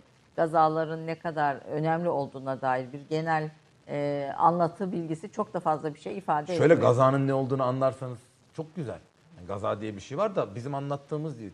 Yani işte elinde kılıç, İslam'ı yaymak. Kimse İslam'ı yaymak için yani İstanbul'dan Alicante'ye savaşa gitmez ya. O kadar o kadar da değil. Yani bunun bir ekonomik yönü var. Bunun bir yani bununla ilgili bir tartışma olması lazım. Onun çarpışık yani tezatların bütünüdür insan değil mi? Levi Strauss falan antropologlar yazıyor. Yani o da var, o da var. O, ç- o- onun Zıtların bir ya da Hegel Megel değil mi? Hiç mi ya bu kadar yani o olacak, o ortalaması olacak. Alıyorlar böyle karikatürleştiriyorlar. Ya Feridun Fazıl Tülbentçi e, gibi ya bari Kemal Tahir gibi yapın. Mesela gene kitap olarak tavsiye edeyim. Devlet Ana çok Sizin, güzel sizde yakalamıştır. etkili olan yazarlardan birisi de o Kemal Ee, Tahir. Kemal Tahir çok etkilidir. Devlet Ana Yorgun Savaşçı ve onun Çorumlu üçlemesi vardır. Evet. Muhteşem bir şey. o köy kültürünü çok güzel Evet, gösterip evet. işte. Ee, bir de e, Michel Zevaco. Çok kaliteli bir yazar değildi. Tabii Umberto Eco falan çok ama Michel Zevaco muhteşemdir yani. Pardayanlar. e, muhteşem. Bütün şeylerini okudum. Fransızcalarını da okudum. Hatta Osmanlıcalarını da. Dil Bir, bir farkı- cilt basmışlar. Dil farkı fark ediyor mu? Yo ben onu ben 3-4 senede bir okuyorum. Yani Arada, o- arada. bitecek şey. Onu mesela bir gün böyle işte evde bir okuyayım dedim 20 sayfa. Tatile kadar götürdüm. Bitirdim gene 10 cildini. Fransızca şeyde bulmuştum. Kadıköy'de böyle imge kitabı diye bir yer. Aşağısında bir sürü Fransızca kitap var. Kimlerden bulmuş. Kimse de almıyor. Gidip gidip ben alıyorum. Onu böyle almıştım kitaplar hani bulunsun diye. Ee, sonra bir gün bir 20 sayfasını okudum. Öyle bir sarıyor ki. Onlar çünkü böyle gazeteler için falan da yazılmış olduğu için ilk bölümden bizim diziler gibi Tefrikada. tefrikalı olduğu için kapar. Yani eğer pardayanları okuyan biri olursa bırakamaz. Bırakırsa yollasın Tabii kopyasını ben satın şimdi alırım. yeni e, gençlerde Kemal Tahir için hani ben de çok bir Kemal Tahir okuyorum. E, Şöyle çok fazla yorumda bulunuyor. Çok fazla kahramanlar konuşuyor. Açıklama yapıyor. Yani olay, Roman tekniği açısından çok diyaloglu doğru. Aha, e, olay daha az filan. Biraz sıkılıyoruz filan şeylerini çokça duyuyorum. E canım tiyatro oyunu gibi düşün. Tiyatro oyunu okuyor. Ya Shakespeare'in oyunları satılıyor memlekette. Ne yapıyor onu okuyup öyle düşünün. Ee, yani ben çok güzel o Notus Gladius falan. Özellik yani devlet anadaki o dil. Ee, mesela o Dede Korkut'tan alınma işte bu gerdeğe giren bir kızın bir şeyi tiradı vardır 110'lu sayfalarda onu bulsunlar ya da bana yazsınlar söyleyeyim. Çok güzeldir yani o şeyi gösterir. O, o O, dönemin, kültürün zenginliğini gösteriyor. bir de o dönemin toplu oradaki Rumlar, Ermeniler falan o Bir de o zaman biliyorsunuz bir tane birleşme. Osmanlı kroniği yok basılmış. Adamın Osmanlıcalarından okuyor. Naim Ay çok okurmuş. Yok hiçbir şey yok. Yani 1960 ülkesinde çok az. Yani profesyonel olmayan birinin, üniversiteye girmeyen birinin o, o, o, o döneme ilişkin tanımlarda imkansız yok. şey. Efendim casuslara geleceğim. Ee, 16. yüzyılda istihbarat, sabotaj ve rüşvet ağları diyorsunuz. Ee, kim bu casuslar? Devlet bunları organize ediyor mu? Bir kurumsal yapım. Hani bir CIA, bir, bir MIT falan yok herhalde. Bir CIA, Zaten. bir MIT 1940 e, dünyada gizli servisler Birinci Dünya Savaşı sırasında çıkmıştır. Ondan önce askeri istihbarat vardır. Ee, bizdeki teşkilatı mahsuslar ya da bizde ikinci şube var ya çok kötü. Çünkü Fransa'nın Dözyen bürosu vardır. İsmini bile oradan almışlar. Yani biraz İki, Fransa'dan mı almışlar Tabii, ismini? tabii. ikinci şube tabii, ismini. Tabii Gözlem Pro yani ne olabilir ki? Ee, ama esas Amerika'da CIA 1945'ten sonra ortaya çıkmıştır. Evet. Hatta bir film vardı CIA şeyi anlatıyordu. Orada 1936'ya kadar FBI e, kurulamıyor. Pa- Parmak izi alamıyor. Hatta başkanın polisi yok adamını yolluyor. Polis diyor ki New Jersey'de başkan kim köpek yani. Aynen bu O ifadeyi kadar, kullanıyor. evet. Aynen bunu söylüyor. Bunu biz Ben tanımam başkanı diyor. Yani o kadar devlet yok Amerika'da. 45'ten sonra Soğuk Savaş'ta, İkinci Dünya Savaşı ve İkinci Soğuk Dünya Savaş'ta çıkmış bir şeydir. İkinci olarak da e, bin- 1914'te Birinci Dünya Savaşı'yla beraber başlamıştır. Dolayısıyla biz casusları diyoruz. İstihbarat kelimesini kullanmış mıyım orada? E, Keşke 16. yüzyılda istihbarat demiştiniz. Hocanın bir hatasını böylece bulmuş Hayır o olduk kapakta efendim. bir hata daha var. Kitap e, şey rüşvet kısmından da bahsedeceğiz diye bitiyor. Başlıkta da rüşvet olmuş. Ben çünkü başlığı sonradan attığım için aslında rüşvet kısmı da biraz şey kalmış. O casuslar daha çok e, ne bileyim e, suikast, e, haber alma e, ve ama bundan çok hep böyle şey anlıyorlar. Servis değil. Ben casusları insan olarak inceledim. Yani insanların zar zor hareket ettiği Ya bir zaten yerde... bir serviste yok anladığım Tabii tabii yok kadarıyla öyle bir kitapta. şey. Öyle Aynı bir adam beş yere birden çalışıyor. Mesela şöyle. Ben- Nasıl beş yere? Beş ayrı ülkeye veya tabii. beş ayrı tüccara falan mı çalışıyor? Beş ayrı ülkeye çalışıyor. Mesela Cenova'ya gidiyorsunuz. Bir tane meşhur İspanyolların burada şey var. Giovanna Maria Renzo. Ben Venedik'e gittim. İspanyolların ajanı bu. Ha, Venedik'e de gelmiş. Venedik'te demiş ki size bilgi satayım falan. Cenova'ya gittim oradan da çıktı. Adam her uğradığı yerde bu işi yapıyor yani. Yani bir tür bilgi tüccarları Tabii canım adam işi öğrenmiş. casus değil. Yani gül satan çocuklar gibi ya. Evet. Hani dadanıyorlar ya. O değil dadanmış adam. Koparabildiğini koparıyor. O işi öğrenmiş. Sizden onu alırım, bizden bunu alırım. Hani zaten mobilitesini başka bir iş yapıyor adam aslında. Ticaret yapıyor. O mobiliteyi başka alanlarda kullanmayı. Ee, sa- sa- sağlıyor. Sağlıyor. Ne satıyor? Bilgi satıyor işte. Hayır ne, nasıl bir bilgi satıyor? Mesela her bilginin bir kıymeti yok. Bilgi yollayabilme yok şimdi iki ay sonra. Mesela diyor ki benim orada diyor müştediler var diyor İstanbul'da. Şöyle bir yalan var. İstanbul'da müştediler var. Yani Hristiyan ve bunlar zorla Müslüman Müslüman olmuşlar. Tekrar Hristiyan olmak, geri dönmek istiyorlar. Biz size ajanlık yapalım, siz bize para verin, biz geri dönelim.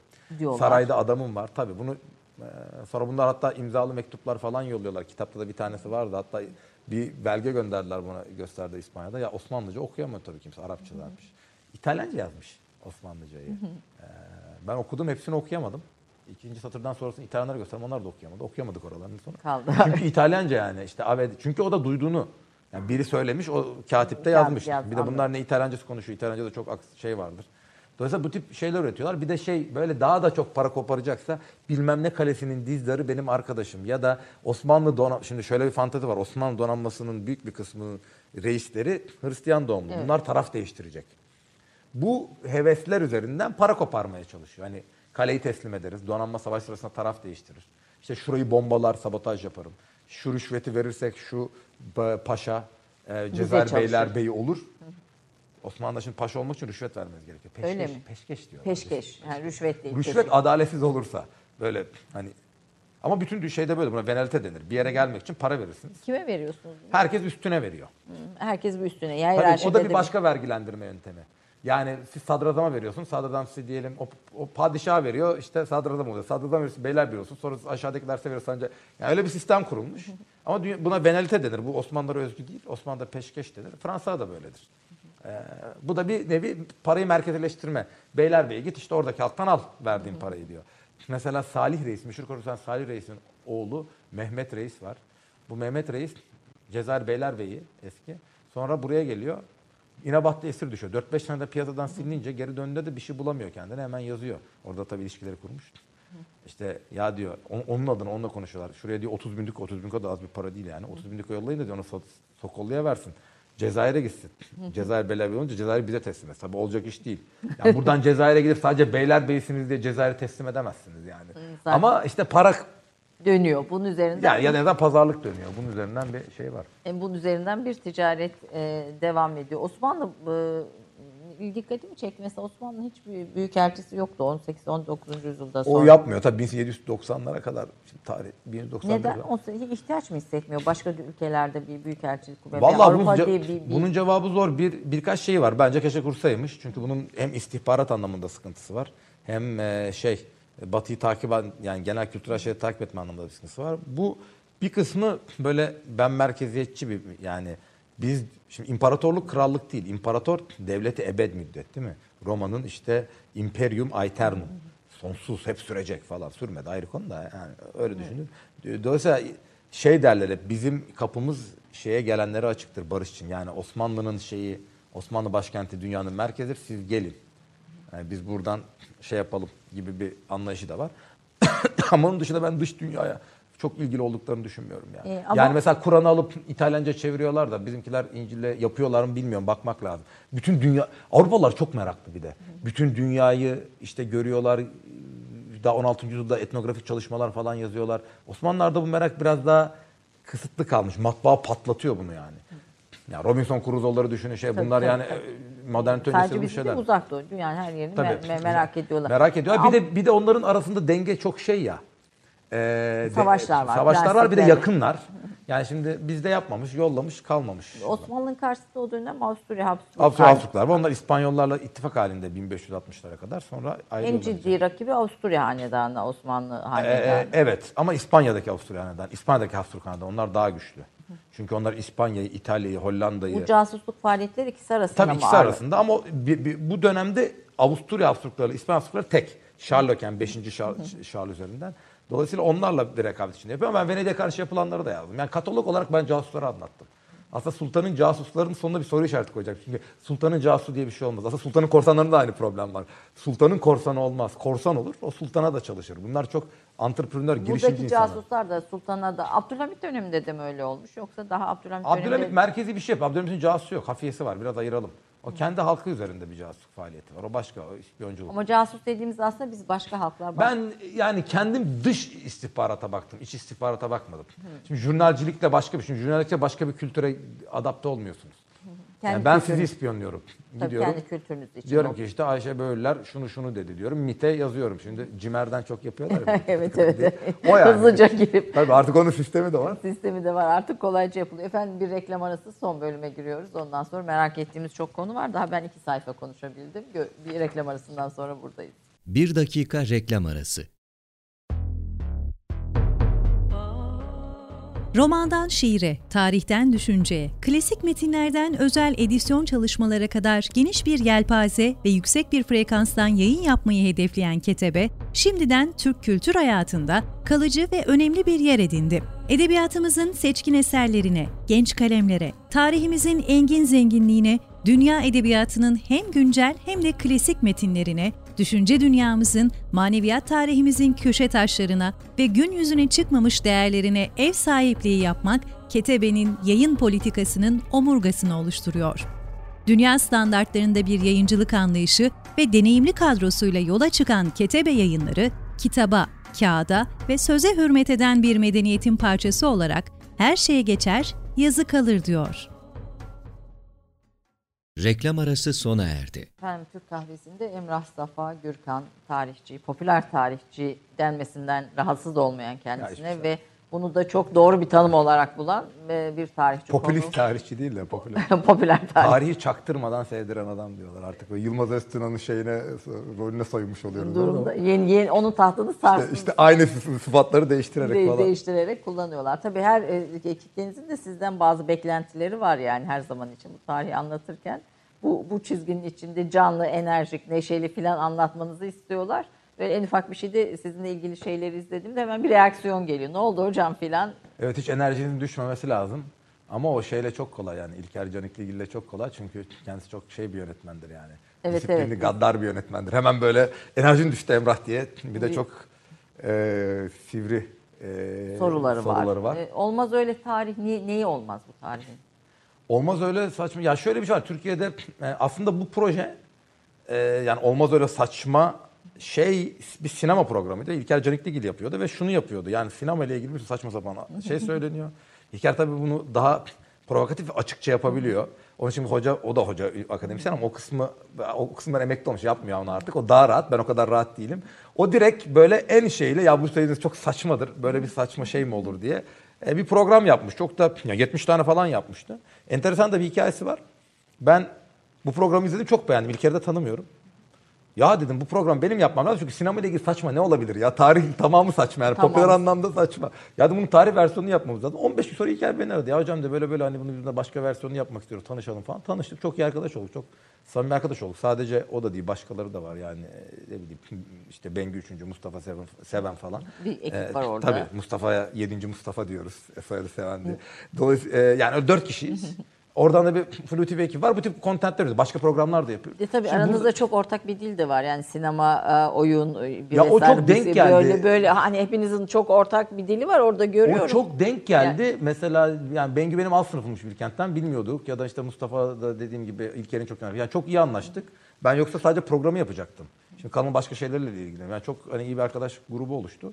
Oradan e, dolayı çok da e, eğlenerek yaptık. Şimdi artık her hafta olacak olmaz öyle saçma tarih. Belki başka formatlarda başka programlar da yapacağız tarihle ilgili falan. E, duruma Her göre. programda sorularınız var temel soru. Ne, ne Hayır, hiç öyle olmuyor. Neyi Biz gidiyoruz. çalışıyorsunuz? aslında şu- ya şunu yapmaya çalışıyor. Şimdi İlker tarih bilgisi e, profesyonel seviyede olmayan biri. Fakat çok entelektüel ve zeki de biri.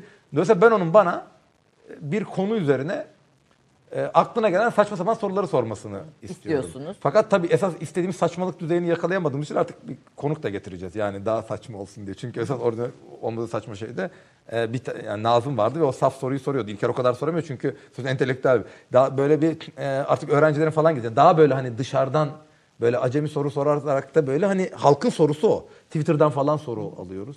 O soruyu e, şey En çok sorulan sorular ne? O en çok Twitter'da, sorulan- Sosyal medyada da çünkü popüler bir tarihçisiniz. Ya böyle e, geçen gün Ekşi'deydim. Orada da mesela sorulan sorular e, beni açıkçası biraz hayal kırıklığına uğrattı. İşte Abdülhamit vatan haini şey e, Kızıl Sultan mıdır? Kahraman mıdır? Ya şimdi bunu bilsen olacak? gençliğimizde de bu Benim tartışmalar. be- bu sorunun cevabının benim ön lobuma bir katkısı yok yani. Şurada harcadığım fosfora bir şey yok. Yani ne fark edersin? Orada harcadığınız fosfora neyin katkısı olur? Orada peki? mesela Osmanlılar niye Amerika'ya gitmedi diye bir soru olduğu zaman ben Amerika ben kapitalizmin tarihini anlatıyorum. Ben s- teknoloji tarihini anlatıyorum. Ben Osmanlı'nın ekonomisinin iş dinamiklerini anlatıyorum. Ve buna inanmıyorsanız, karşılık veriyorsanız siz de artık ön lobu kullanıyorsunuz. Öteki türlü Abdülhamit işte e, kahraman da siz de hayır Kızıl Sultan dediğimiz zaman biz ikimiz de otomatikman birbirimize kız, kızarak hakaret o noktaya geliyoruz. Oradan bir şey çıkmaz. Türkiye'nin en büyük problemi böyle çözülememiş, çözülme, çözülse de bir işe yaramayacak problemler ısıtıp ısıtıp getirip sürekli oralarda çatışma yaşamak. Yani böyle büyük travmalar varmış gibi. Abdülhamit'in Kızıl Sultan olması ya da ne bileyim ya da işte Kanuni mi daha büyük Fatih mi? Eskiden olsaydınız hangi padişah olmak isterdin? Eskiden olmak istesen ben hanım sultan olmak isterim. Padişahlar hep öldürüyorlar. Ya rahat hanım. Niye hanım sultan? E çünkü ne olacak? Bir tane paşayla evlendiriyorlar. O paşalar da yani o kadınların şey altında yaşıyor. Öyle rahat rahat yaşıyorsunuz. Adam olmak kolay değil. Savaşa gideceksin. E, İlk defa erkek olmanın daha zor olduğunu söyleyen bir konuğumuz var. E tabii canım erkek olmak daha zor yani o dönem daha zor. Bugün değil de. E çünkü kafese kafeste 40 sene oturuyorsunuz böyle. Ölüm korkusuyla falan. Ya Sultan Süleyman olmuyor ki herkes. Ka- kendi oğlunu öldürmek zorunda kalıyor. Yani Bunun nesini? Yani çok zor bir şey. İstemezdim. Eskide mesela eskide yaşamak kim ister? Niye isteyeyim yani? Şofben yok, internet yok. Ne yapacağız? Böyle sorular soruyorlar. Yani o anlıyorsunuz ki gelen soruda bir şey problemi var. Yani tarih ne bilmiyor. Benim kendi arkadaşlarımdan falan filan da beni böyle takvim falan zanneden olabiliyor da akrabalarımdan. Sen tarihleri ezberliyorsun falan. Ha dedim burada Wikipedia'da yaşayan şey ezberliyorum ben 15-20 yıldır. O yani şimdi hiçbir şey okumazsan bir yani bir kere kuyuya inmezsen ya da bir kere şimdi Everest'e çıkalım mı desen çıkmam çok zor olur derim ama ne kadar zor olduğunu bilmiyorum çünkü hiç daha çıkmadım. Tabii Türkiye'de tarih biraz siyasi kamplaşmalar filan üzerinden de yorumlanarak giden bir şey. Yani bir tarafı tutanlar öbür tarafa hak verenler filan biraz bunun da etkisi var. Yani o ezberler var, o Şimdi ezberler, ön yargılar var. Onlar bunu, üzerinden gidiyor. biz bunu kıralım dedik. Ee, ve bunu kırınca sağından soluna e, nerede ne konuşursa ben her şeyi söylerim. O yüzden ilk başta işte yeri geliyor solcu diyorlar. İlker görüyor "Ya sen sağcı mısın diyor. Öteki diyor başka bir şey diyor. Yani ben hiçbir şeyim anlamda. Ben inandığıma e, hani inandığımı söylerim ve o hep bir, bir yere batar. Batacak yani benim e, Abdülhamit'le de ilgili, Atatürk'le de ilgili, bugün iktidarla ilgili negatif pozitif görüşüm varsa onu söylerim. Ee, söylediğim zaman da biri e, ve her hafta bir şişci oluyorsunuz. Fakat onu şeyle yenmeye çalıştım. Hani biraz ve ben oradan büyük bir şey yemedim yani linç tarzı bir şey. O böyle o şakacı dille biraz da kendimize dalga geçişimizde ve izleyici de onu bir yere kadar alıyor. İnşallah devam eder. Hani içerikli bir şey sunduğumuz için hani sloganla sunmadığımız için ne bileyim işte. Sadece zaten Türk tarihine ilişkin bakıştaki Yok, bu- şeyleri değil. Amerika'yı da anlatıyorsunuz. Tabii, tabii yani Amerika anlatıyorsunuz. Yani bir de geniş ben şu avantajı kullanmak istedim onda. Şimdi İlker sinemacı e, sanattan anlayan biri. Ben tarihçiyim ama Avrupa tarihini biliyorum, Amerika'da okudum. Ya biraz da oralardan bahsedelim. Yani İstanbul'un fethi, işte ne bileyim e, Cumhuriyet bunlardan da bahsedelim. Ama biraz da mesela kapitalizm nasıl çıktı ondan bahsedelim. Avcı toplayıcı topluluk nedir onlardan bahsedelim. Türkiye'de e, bakın Türkiye'nin gökte Türkiye'de üniversite kürsüsü 1940'larda kurulmuş, kurulu şekilde kalmış. Alanları sayıyorum. 1930'lardan bu yana Tabii tabii alanları ben. söylüyorum. İlk çağ, orta çağ, yeni çağ, yakın çağ. Tarih için Tabii. Ama yeni çağa girerseniz herkes Osmanlıcı. Bir tane Fransa tarihçisi girse Osmanlıca soru soruyorlar doçent yapmak için. Böyle bir şey olabilir mi? Yani e, çünkü öyle %90'ı orada kalmış. Orta çağa giriyorsunuz herkes Selçuklu İslam tarihçisi. Bizans tarihçisiniz nasıl yapıyorsunuz bilmiyorum. Ya da Aztekleri ya da ne bileyim e, Song Daha Çin'ini. eski. E, çünkü adam yok yani onları değerlendirebilecek. Tematik bir tane genel Türk tarihi var. Bir de medeniyetler tarihi var. O medeniyet işte e, şey müesseseler ve medeniyet tarihi var. O da zamanında iki hoca kavga etmiş İslam arasında onun için ayrı bir kürsü kurmuşlar. Bu kadar İyi ki kavga etmişler İki ka- diyorsun. Hayır ama ne oluyor? Sizin tematik olarak çevre tarihiniz yok, askeri tarihiniz yok. Her giren Osmanlı tarihçisiymiş gibi muamele göre. Bir tane genel Türk tarihçiler, onlar yeterince sonra kendilerine bir alan sunmuşlar. Orada da siz mesela gene Çin tarihçisiniz oradan giriyorsunuz. Çünkü Orta Asya'yı falan bağlıyor ya. Askeri tarih konusunda da yeteri derecede özellikle mesela bu savaş vesaire gibi konular en iyi askeri tarihçilerin Ama e, çok güçlendi son 10-15 senede. Yani Türkiye'de genç bir kuşak var işte Kahraman Şakul falan mesela sayabilirim aralarında. E, deni, tecrübi tarih, denizsel tarih yapıyor. Şimdi askerler girdi o alana. O güzel ama büyük seviyeye çık- taşıyacak teorik ve metodolojik disiplini sağlayacak insanlar akademisyenlerdir. Güzel şeyler oluyor, güzel çalışmalar oluyor. O yüzden Türkler seviyor asker. O, o yürür. Çevre tarihi gibi ya da kadın tarihi gibi atıl kalmaz. kadın tarihinde sonuçta zaten belli e, bir şey malum işte feministler kadın tarihi çalışır gibi bir önyargıyla onu da bir kenara atıyorlar. Evet, Aslında gündelik yaşamla ilgili çalışmalar yine de son dönemde daha çok benim de kulağıma geliyor yayınlanan Şimdi ben çalışsam kimse inanmaz. Niye? Çünkü bıyık var falan değil mi? Feminist olmanız lazım. Öyle algılıyor insanlar. Tabii tabii illa feministler kadın tarihi çalışır gibi bir yargı var. Halbuki Ya da takkeli sakallı, sakallı bir amca çalışsa değil mi yani? Casusların içinde kadın var mı? Korsanlarda yoktur herhalde. Ya kadın korsan diye efsane çıkarmışlar alakası yok. Lütfen Sela'da. Hayır o kadın sadece k- karısı yerine şey kocası yerine tahta yani orayı yöneten ve korsanları fonlayan biri. Şimdi bir e, 18. yüzyılda şeyde var. Erkek kılığında iki tane kadın korsan var 18. Karayipler'de. yüzyılda. Karayipler'de. Karayipler'de. Bizde yok. Yani o kadar erkeğin arasında bir kadın. Ya Osman- Müslüman toplumda kadın erkek çok farklı şekilde ayrı. E, Ortodokslar da ayrı burada. Mesela bizim Müslüman mesela ço- çoğu bilmezler. Bizanslar da başını örtüyor. Hatta tarif ediyorlar tam bugünkü sizin örttüğünüz şekilde örtüyor. Böyle zannediyorlar ki onlar o böyle mayolu dolaşıyor öyle değil ki. Biz böyle bazı şeyler İslam'la özdeşleştirmişiz ama toprakla mesela kadın erkek ayrımı Avrupa'dakinden her zaman İstanbul'da daha çoktur. Ortodokslar arasında da çoktur. Bazı şeyler topraktan Coğra- gelir. coğrafya diyorsunuz. Bazı- din, tabii. din, din, dinden. Mesela kitap okumuyor dedik. Müslümanlar okumuyor değil ki. Ermeniler de okumuyor. Matbaa getiriyorlar tutmuyor. Ya bu dini şeyler böyle bir yerde yüzde üçken bir yerde yüzde otuz falan yapması zor. Çok Coğra- Şimdi bu şey sizin o, o- olmaz öyle saçma tarihte de sorduğunuz sorulardan birisidir.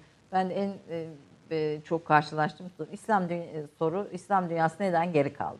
Şimdi sorayım size aslında konumuz casuslar ve korsanlar. Niye geri kaldı İslam E, dünyası? İslam dünyası geri kalmadı. Bir kere bir İslam dünyası diye bir tanım olamaz.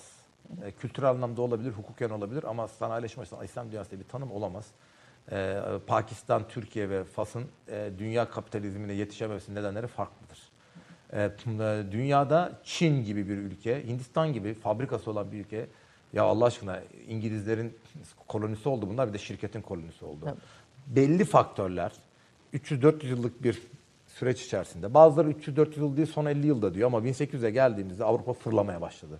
1800'de %35'ini kontrol eden dünyanın Avrupa 1900'de %85'ini kontrol ediyordu. Büyük bir- 20 yılda bütün Afrika'yı paylaştı. Şimdi bunu anlatacağız. Biz Avrupa'yı anlatacağız. Osmanlı stagnant, geri kalmış bir toplumdu yani. Çin de öyleydi, Hindistan da yavaş gelişiyordu. Ee, o yani böyle bir devinimi yoktu. Teknolojisi ilerlemiyordu. O iç dinamini kaybetmişti. Avrupa'nın dinamizmi gibi değildi. Oradan biz başarılı bile çıktık. İslam dünyası gene yani o problemlerini aşamaz. Ya çok basit şeyler var. Matbaa gelmemiş size. Adamların üniversite ne diyorum Fransa'da kadınlarda okuma oranı 1797 da yüzde 14'ten 27'ye çıkmış. 1990'dan 1790'a erkeklerde yüzde 35'e mi ne çıkmış? Yüzde 47'ye çıkmış. Ortalama yüzde 35. Japonya'da bile çok yüksek. Japonya'da da çok güzel adam yüksek. Bizde yok yani öyle bir okuma oranı. Bizde ya ne çıktı biliyor musunuz? Medrese öğrencilerin toplam kitap sayısı 126. Yani title sayısı. Çok küçük bir rakam. İsmail Erünsal'ın bana hep İsmail Erünsal'la cevap veriyorlar. Hoca böyle diyor diyor. Herhalde okumuyorlar. Hoca benim de hocam yani. O kendi yazdığı şey medrese öğrencilerin 64 tane terekesi inceleniyor. Toplam kitap e, yani başlık sayısı 126 tane. Avrupa'da köylüden çıkıyor 120 tane değişik Kitap kitap. kaynağı. Şimdi yani bütün medrese bunlar hep aynı şeyler okutuluyor. Dolayısıyla bir böyle seküler bir e, bilimle, ilimle hani o dini ilimlerin dışında bir şey gelişmemiş. E, medreselerdeki öğrenci sayısı belli. Üçte birinin Kur'an'ı yok ya. Üçte birinde musaf yok. Çıktı işte bu şeylerinden. Yani terekelerinden. Gidiyorlar orada yani o sistemler eskimiş. Bu da görülmüş. Bugün bile görüldü. Hani muhafazakar bir iktidar bile aslında batılı anlamda reform yaparak bunu çözmeye Tabii, çalışıyor. Bu, tabii reform bu kabul yapmaz, edilmiş yani. O, ya, öyle olması lazım zaten yoksa döndüremez. Yani üniversiteler açıyor. İşte adına medrese koyunca medrese olmuyor ki. Medrese sistemi değil üniversite sistemi. Tam bir Amerikan üniversite sistemi ve destekliyorum da yani. Çünkü şu anda dünyada en faali o. Yani onun ismini ne bileyim böyle daha şey koyunca o tamam güzel kulağa hoş geliyor da esas sistem o. Onlar başarmış. Bizim İslam dünyasında daha başarılı olmamız nedeni bu komplekse kapılmadan rasyonel olanını yapmamız. Ee, bunu yapmaya devam ettiğim sürece yakalarız. Yani ben Cezayir, Lübnan'a falan gittim. Orada sistem bizimki gibi çalışmıyor üniversiteden falan. Yani. Türkiye Amerika olmuş o anlamda. Mesela ben ilk geldiğimde burada tabii her şey yürümüyor. Bir baktım ya. Amerika'dan niye döndünüz bu arada onda bu para? Ya Amerika'dan şundan döndüm. Göçmenlik bana göre değil. Yani ben sosyoekonomik statümü seviyorum. Hani e, ne bileyim arkadaşlarımın belli bir kalitesi var oturduğum yer. Şimdi Amerika'da göçmenlik bitmiş. Ben Georgetown'da çalışma 100 bin dolar alırdım bugün. 100 bin dolarla da biz çocuğu özel okula bile yollayamazdık. Hadi yollamıyor. Yani Amerika'da yollayamaz. tabii Georgetown'un e, dışında bir yerde oturacağım. Arabayı getireceğim. 2 saat 15-20 dolar park parası vermemek için 2 saatte bir arabanın yerinde. Ya bu olmaz. Yani ben bunu yapmak için. Ben burada bunu Halbuki yapmadım ki. Amerika'da biz böyle çok refah içinde müreffeh bir Hayır, hayat hayır, Kanada, olduğunu. Kanada'yı duymuşsun. Amerikan toplumu neoliberalizmden dolayı gelir eşitsizliğinin çok arttığı bir toplum. Ve mesela Mad Men'i falan izleyenler görürler 1950'lerde ve Türkiye'de 1980'ler çok altın çağlardı. Ee, iki maaşlı insanlar ev mev alabiliyordu. Türkiye'de şimdi öyle. Biz benim eşim kendi işini yapıyor. Hani iyi para kazanıyor. Ben de az kazanmıyorum. Yani öyle bir baba annemle babamın ya da Aldı, aldı, evet. yani o çok değişti. Bir kısım çok zengin oldu. Dolayısıyla şimdi Amerika'da sınıf atlamak zor. Zaten akademide böyle Hintlilerin, Japonların, Türklerin falan topluma kaliteli entegre biçimi oldu. Ama yani kaliteli bir yaşam görece olarak yaşamıyorsunuz. Yani hocanın bizim çocuğu var, kemana gidiyor, piyanoya gidiyor ama yani şehrin senin 60 kilometre dışında yaşıyorsun yani. O, o bana göre değil. Burada Kadıköy'de oturur yani modada takılırım diye bu benim şeyim değil yani o gidip. Bu burada daha e, kaliteli, daha hayatın içinden. Ya evet göçmen olmak çok şeymiş ya zormuş. Bana göre değilmiş ya burjuva işi değilmiş. Biraz daha böyle hani böyle tutunacağım Amerika seni fethedeceğim diye gitmediğim için. Ben operaya falan gidiyordum yani böyle hani biraz daha eğlenirim diye gittim. Eğlendim sonra baktım daha fazla eğlenmek için babam para yollamayacak. Ya ben maaş da alıyordum ama. Baba çok kilit sizin hayatta. Kesinlikle hayatınızda çok kilit bir isim olmuş. Tabii tabii ya evet. Ya babam annem de eee, da- daha patriarkal Türk ailesine uysun diye babam da aslında annem. Onlar genelde babam diye konuşuyor ama bu kısım annem. Yani oradan bir hani eee, ma- yani bir de bir de tek çocuğum ailem falan burada kaldı. Hani sonuçta çocuk çocuk. Özlüyorsunuz tabii özlem. Öğrencilere söylerdim sakın Türk kadınlarla evlenmeyin. Kayınvalidenizin arka sokağında oturursunuz diye Amerikalı öğrencilerime dalga geçmek için. Sonunda ben yaptım. Eşimle Amerika'da tanıştık. Evlenince mecburen artık yani çocuk yapacaksınız. İki Türk çocuk yapacak. E işte e, dedeleri burada olacak. Amerikalı gibi büyüyecekler. Hani Amerikalı biriyle evlense çocuğunuz Amerikalı gibi büyüsün de iki Türk bir çocuğun Amerikalı gibi büyümesi biraz saçma ondan döndüm yani. Çocuğunuzu Türk gibi büyütüyorsunuz. Evet evet Türk Nedir gibi Türk büyütüyorum. gibi büyütmek? Yani Türkiye'de büyütüyorum. Ee, Türk gibi büyütüyorum demeyeyim de mesela gelenekle problem olsun istemem. Bu benim gibi modern insandan öyle bir şey var yani gelenek o e, kötü bir şeydi. Yani böyle hani cami görüyor ve ne olduğunu bilmiyor falan. Bu kadar da yani Osmanlı tarihçisi olunca sanki böyle ne bileyim hacı olmuşum gibi falan davranmışlardı belli çevrem. Ee, o yüzden o kadarcık vibe bile beni böyle bazen e, ekşide şeriatçı, cihatçı falan diyen bile olmuş yani. O kadarcık Size şeriatçı, Tabii. cihatçı diye. yani ne bileyim evet çünkü öyle bakıyorum ne bileyim bir yerde işte haşa dediğiniz zaman bir arkadaşım demişti yani böyle e, bu tip lafları bile öyle algılayabiliyor.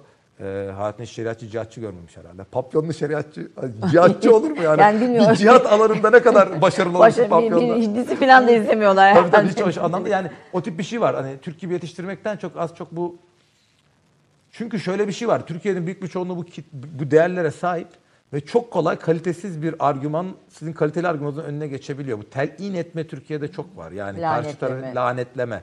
Yani işte şucu, işte başı açık, başı kapalı, o falan deyip hop ya arkadaş mesela yeni çıktı işte yazı bomboş adam. Ya o kadar da bomboş olamaz ya. Benim için bomboş adam yazma oraya artık. Beğenmiyorum. Şu şusu kalitesiz tamam okey senin görüşün. Ya ne kadar bo- yani Türkiye'de bomboşluk bana mı Ya kaldı 10 ya? yıl bir kitap üzerine çalışmışsınız. Ya Sonuçta ne- on- bomboş olmak çok zor bir şey yani. bir- mümkün değil yani olma, olmak. Ya bomboş olmak çok zor bir şey. Türkiye'de hakikaten çok adam yok. Yani bom, o şu. Ya bir şeyi demek ki görmüş. O, bıy- o cücüğü oradan şey yap falan diyor. İşte bıyığı niye o kadar uzun diyor. İşte onu görmüş bütün her şeyi siliyor. Ya bana bir şey olmaz. Sen kendin kaliteli bir içerik alabileceksen alamayacaksın. Yani daha akıllı, daha kaliteli yaşayabileceksin. Yaşamıyorsun. Bunu yapmayın kendinize. Çocuklara her zaman söylüyorum. Buradan da söyleyeyim. En son öyle saçma Yani tartışma. öğrencilere tavsiyelerinizi alacağım çünkü ya- yabancı dil konusunda da Ama tavsiyeleriniz bu, var. bu, bu öğrencinin de dışında bir tavsiye. ya herkesin kendi hayat kalitesi için söylüyorsunuz. İnsanların 40 yaşından sonra kafaları değişmiyor. Böyle siyasi şeylerle, sloganlarla, kırmızı çizgilerle yok onu niye yapıyorsun bunu da alana bir cemaatisi kitlerler. O cemaatin de başında tepesinde onlar vardır. Onların emir eri olursunuz. Siz kendi işinizi nerede yapıyorsunuz? Fransa'da mı, Amerika'da mı, Bilecik'te mi, Ümraniye'de mi? Gidin orada yapın. Siz kendi işinizi yaparken elin, nerede size imkanlar sağlanıyorsa kendi prensipinizden vazgeçimden bunları yapın. Bazen diyor 29 Mayıs Üniversitesi'nde çalışıyordum. Diyanet Üniversitesi. Ondan önce de Katolik Üniversitesi'nde çalışıyordum. Katolik miydim yani? Ondan önce de Bilkent'teydim. Tabii yani. 29 Mayıs Diyanet'in, Diyanet'in Üniversitesi'nin hani, üniversitesi. e, oradan yani Georgetown'da Cizvit Üniversitesi'ydi ya. Yani bildiğiniz Cizvit papazlar ah hu hu diye dolaşıyorlardı. 69'a kadar e, öğretim dili Latince olan bir yerden bahsediyoruz. Pardon Latince ve Grekçenin antik Grekçenin mecburi tutulduğu bir yerden bahsediyoruz. Şimdi ne yap?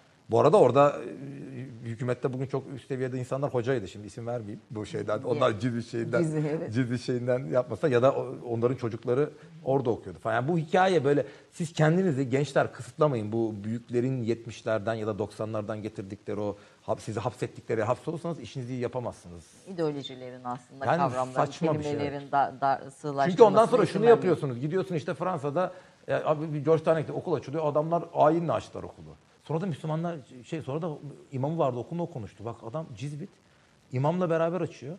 Georgetown'un bir Tabii, okulu tabii. Fransa'da açılıyor. Yok şey e, örne- Başka bir okul, örnek. başka bir Yok, okul. Georgetown açılışında öyleydi. Evet. Ya da Fransa'da gidiyorsun işte adam şapelden şey yapmış orada oturuyorsun yani burada hani o rahatsız etmiyor da Buradaki öteki- cami niye rahatsız ediyor? ya ya da tam tersi.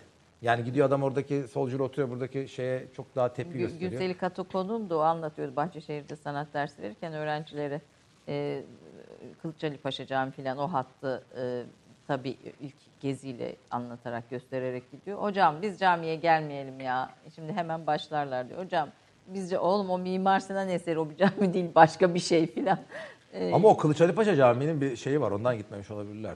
O gezi döneminde bir gündem olduydu. Yo yo hayır değil genel olarak hani cami. Gerçi o değildi Dolmabahçe Camii. Dolmabahçe'dir. Yani cami bir camiye hani bir camiye girme hocam bizi bozar. Hani öyle yerlere girmeyelim de başlayan bir e, şey anlatır, bir diyalog anlatır sıkça. Bu maalesef Türkiye'deki bütün şeylerde geçerli.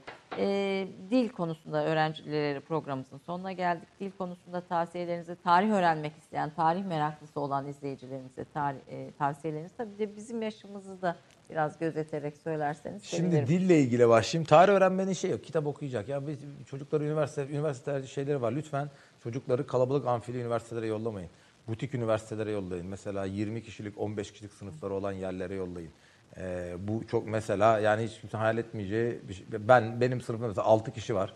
Biz onlarla İngilizce e, her her hafta üç, yani proje yapıyoruz. Çok hani interaktif oluyor.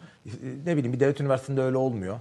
Ee, özellikle böyle arkasında e, para kazanma gayeli olmayan hani gerçek vakıf üniversiteleri var. Onlar olabilir ya da iyi devlet üniversiteleri var. İşte Medeniyet'te Boğaziçi'de bilmem nesidir ya da işte İstanbul'da var, Ankara'da var. O tip şeyleri tercih etsinler. İnteraksiyon çok önemli. Bir de metot önemli. Mesela Bilkent mezunlarının en büyük avantajı Boğaziçi'lerinde de vardır. Ya bir konu oluyor. Biz ben onu araştırmasını biliyorum. Ben nereden bileyim? Şimdi benim arkadaşım e, mesela çok değişik bir iş alanına girdi. İşte şey yapıyor. Renk teorisi diyor. Çat diyor gidiyor. Libgen'den PDF indiriyor. Ona bakıyor bilmem ne. Gidiyor en iyi sanat okulunu buluyor. Onun oradan dersin syllabus'ını indiriyor ve şey yapıyor. Şimdi bizde öğrenci şey yapıyor. Hocam bu kitabı nereden bulalım? Libgen'den bul diyorum. Libgen ne diyor? Arkadaş sen ben senden öğreneceğim. Ee, yani bu tip tarih biraz böyle her şey sosyal bilimler bilmeyi bilerek, bilmeyi, araştırmayı bilerek şey yapar. Dil konusunda da hemen şunu söyleyeyim. Dil işin dil öğrenmek mevzu değil. Ee, düzgün Türkçe konuşanlar, seri konuşan insanlar için ya da müzik kulağı olan insanlar için bunlar hiç büyük problemler değil. 2-3 ayda insan 3'ten 4'ten sonra rahat rahat öğrenebiliyor. Esas problem mantenir etmek. Şey, e, e, onu- Dili kullanabilmek, kullan- transfer etmek değil. Transfer değil, akılda tutabilmek. Yani benim için artık bu bir kabusa dönüştü. Arabada kendi kendime ne bileyim bir tane konu geçen gün e, bir arkadaşım dalga geçti deli misin? Ya dedim sen düşünüyorsun ben de kendi kendime konuşuyorum yani. İşte ben yani izlediğim filmler ona göre Fransızca falan oluyor. İşte ne bileyim e, sürekli gidiyorum geliyorum. Ben ayakta tutabilirim. Ki mesela Almancayı unutup unutup duruyorum. Gene unuttum yani. Hani geçen gün bir Almanı görünce fark ettim zorlanıyorum. E, unutuyorsunuz sürekli. Sürekli tekrardan tekrar. tekrar. Bu bir oyun benim için. Bu kadara gerek yok. İyi İngilizce bilin. Ama çok iyi İngilizce bilin. Yeter. Üstüne de işe yarayacağın dil. Mesela Fransızca mı? Fransızca bilin. İkinci ama dört tane beş tane unutacaksınız. Evet illaki Bunun da öğrenme yarayacak. trikleri vardır. Birincisi öğrencilere söylüyorum. Fatma Gül'ün e, suçunu izleyip anneannem gibi yaşarsanız iyi İngilizce konuşamazsınız. O dili tüketeceksiniz. Kültürlü insanlar olacaksınız. Ya gideceksiniz ya ona göre dizi film falan izleyeceksiniz. Ben İngilizceyi tamamen e, dizilerden, filmlerden, Bob Dylan şarkılarından, Pink Floyd'dan, CMC'den falan öğrendim. Yani. Ama gidip öğrenmedim. Ve Bilkent'e de veriyorlardı. 2006 yılının 19-17 Ağustos'unda ben Amerika'ya gittim. 7 Eylül'de, 7 Eylül 2006'da gittim ders verdim. Yani hocanın yerine ilk Ders ders verecek düzeyde İngilizcem vardı diyorsunuz. Vardı yani, o Bilkent onu vermiş. Hani c- verecek var da o cesaret var mı? Amerika'da veriyorsunuz. O iki hafta önce gelmişsiniz o şe- şeye. O Peki şehre. e, son soru olarak tarih konusunda en çok yaptığınız hata nedir? Tarih bilgi olarak. Ee, Veya en klişe, en klişe, en, en klişe hatalı şey klişemiz nedir? teleolojidir. Şey yapamazsınız. Ben kime yarar ona bakarım. Yok öyle bir şey. Bir akıllı sen misin? Öyle bir şey olabilir mi? Kime yarar bakamazsınız. Tarih çok random, tesadüfi bir şeydir. Her şey mantıklı gitmez. Bir teorinin mantıklı olması onu gerçek yapmaz. Ama bilgi böyle çok safsak bir şeydir. Bir, iki, her şeyi bilemeyiz. Şu masayı düşünün. Şu kitaplar bizim bilgimiz olsun, buralarda bilemediklerimiz olsun. Böyle bir, e, yani bazı şeyler bilinir, bazı şeyler bilinemez. Biz tarihte böyle içinden bir sürü kiremit çekilmiş bir tuğla duvar düşünün. O duvarı biz o azıcık tuğlayla ayakta tutamayabiliyoruz bazen. Dolayısıyla hep bu ve şunu da söyleyeyim bir şey daha mesela bu Daran Hocam'ın kitabında falan da var ya o kadar kötü ki e, onunla ilgili de program yapacağım. Daran Hocamoğlu'nun Çok kitabındaki tabii tarihsel olarak bu kadar ol- olamaz ya. Ve şunu ve konuşunca şunu diyor ama o tarihçi değil ki. Böyle bir şey yok. Siz 1960 ile ilgili sosyolojik araştırma yapıyorsanız tarihin metodolojisini bileceksiniz. Öyle bir şey yok. Tar ya tarihçi değil, tarihçinin 1930'da çalışan şeyden bir farkı benim birincil kaynak okumam. Birincil kaynak okumayan tarihçi olmaz. Ama onun dışında 1850 ile ilgili film yapıyorsanız, 1850 ile ilgili sosyolojik metin yapıyorsanız ya da ne bileyim dünyanın son 400 yılında kapitalizm nasıl gelişti, ekonomik bir ekonomi yazıyorsanız Tarih metodolojisini bileceksiniz. Böyle bir dünya yok. Ne kadar güzelmiş. Ben de o zaman Osmanlı ekonomisini hesaplayayım, işlemi yanlış yapayım. Çünkü ben tarihçiyim. Böyle bir şey olabilir mi? Olamaz. Böyle bir yanlış var. Yani tarihçi hep antikacı gibi gözüküyor. Burada benim meslektaşlarımın da bir sıkıntısı var. Çünkü hakikaten antikacı gibi yaklaşıyoruz olaylara. Biraz daha şey yapmamız lazım. Hani aktif e, bir şekilde işte bu hem popüler alan hem de bu tip böyle içerikli ürünler üretmemiz lazım. Yani dünyanın merak ettiği Sapiens Mapiens o anlamda iyiydi mesela. yani evet onu siz e, Hı, İlk ya ilk programı biz Homo onun üzerine yaptınız ve beğeniyorsunuz da siz Sapiens kitaplarını. Beğeniyorum bir seriyi. ufak bir ufak hilesi var ama. Ne? Yani böyle çok liberal bir şey mesela işte ailesiz toplumları falan böyle arada övüyor ya da işte eski iyidir. Bir ya ama onu çok rahat kitaptan çıkarabilirsiniz arkada çok iyi bir tarihçi var. Yani o hani bu şeyi plaza insanının gönlünü okşayacak şeyleri söylüyor. Ben Arada söylüyor. değilim. Nedir plaza insanın gönlünü okşayacak şeyler? Ya işte bitemedi bunlar ya. Ne kadar enteresan ya. O kadar para kazanıyor. Hiç mi kitap okumuyorlar. Ben Tabii. anlamadım ki 25 25 senedir Ferrari'sini satan adam. Ya bir daha çıkma. İşte Tibet'te 7 yıl. Anladık ya. Yani tamam sen seçtin. Biz de seçebilirdik. Seçmedik yani. Camsız e, yerlerde e, klima şeyiyle çalışıyorsun. ızdırabın var. Okey de yani aynı şey.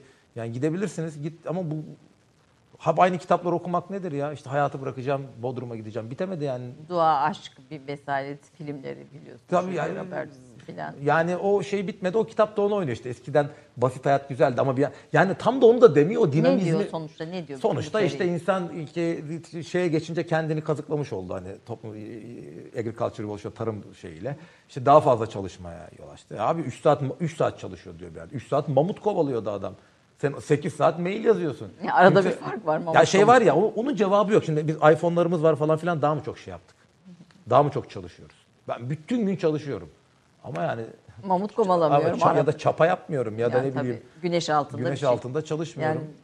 Yani ama e, bu, bu klişeleri beslediğini söylüyorsunuz. Ama Ya tarih o, akışı o olarak tansiyonu tutarak okuyucu tutuyor. Başarısı o zaten.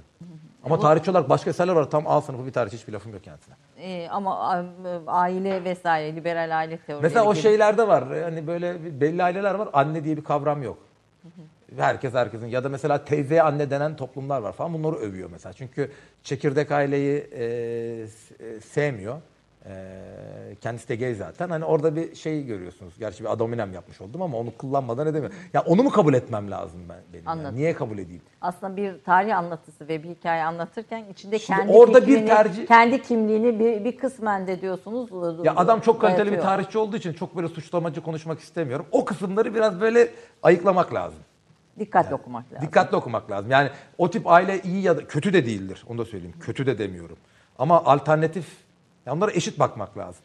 Yani ne bileyim çekirdek ailenin ya da işte heteroseksüel ilişkinin dışındaki şeyleri de ben tarihçi olarak yargılamam. Ama övmem, övmem de. Ya benim işim değil o. Evet efendim bir tarihçinin popüler bir kitaba yaklaşımı da buydu. Ee, Böyle bakmak lazım. Böyle belki okumak lazım. Çok teşekkür ediyorum. Ben teşekkür Ee, ederim. Böyle bu kadar e, uzun süredir genç bir konuğum olmamıştı diyeyim. O yüzden de ayrıca Yaş ortalamasını yaş düşürmek ortalamasını adına düşürmek adına Türk kahvesi konuklarında e, çok önemli bir yeriniz var. E, Gerçekten de çalışmalarınız son derece önemli ve gelecek vadeden bilim adamlarımızdan birisi olarak e, sizi 38 ileride yaşında gelecek vadeden bilim insanı ödülü aldım. Ve 37 yaşında gelecek işte bizim bir şöyle 37 yaşında gelecek vaat edebiliyorsunuz. Normalde Yani, yani e, 45-50'ye kadar yolunuz var. Evet, var. 50'den sonra size de biz yaşlı muamelesi evet, doğru. çekebiliriz. İşte. E, çok güzel eserler vereceğinize inanıyorum. Amin. Şeref verdiniz, lütfettiniz. Çok çok teşekkür ediyorum. Efendim Türk oldu. kahvesinin sonuna geldik. Son derece e, keyifli bir sohbet oldu diyeceğim. E, bir başka Türk kahvesinde buluşmak üzere. Hoşçakalın.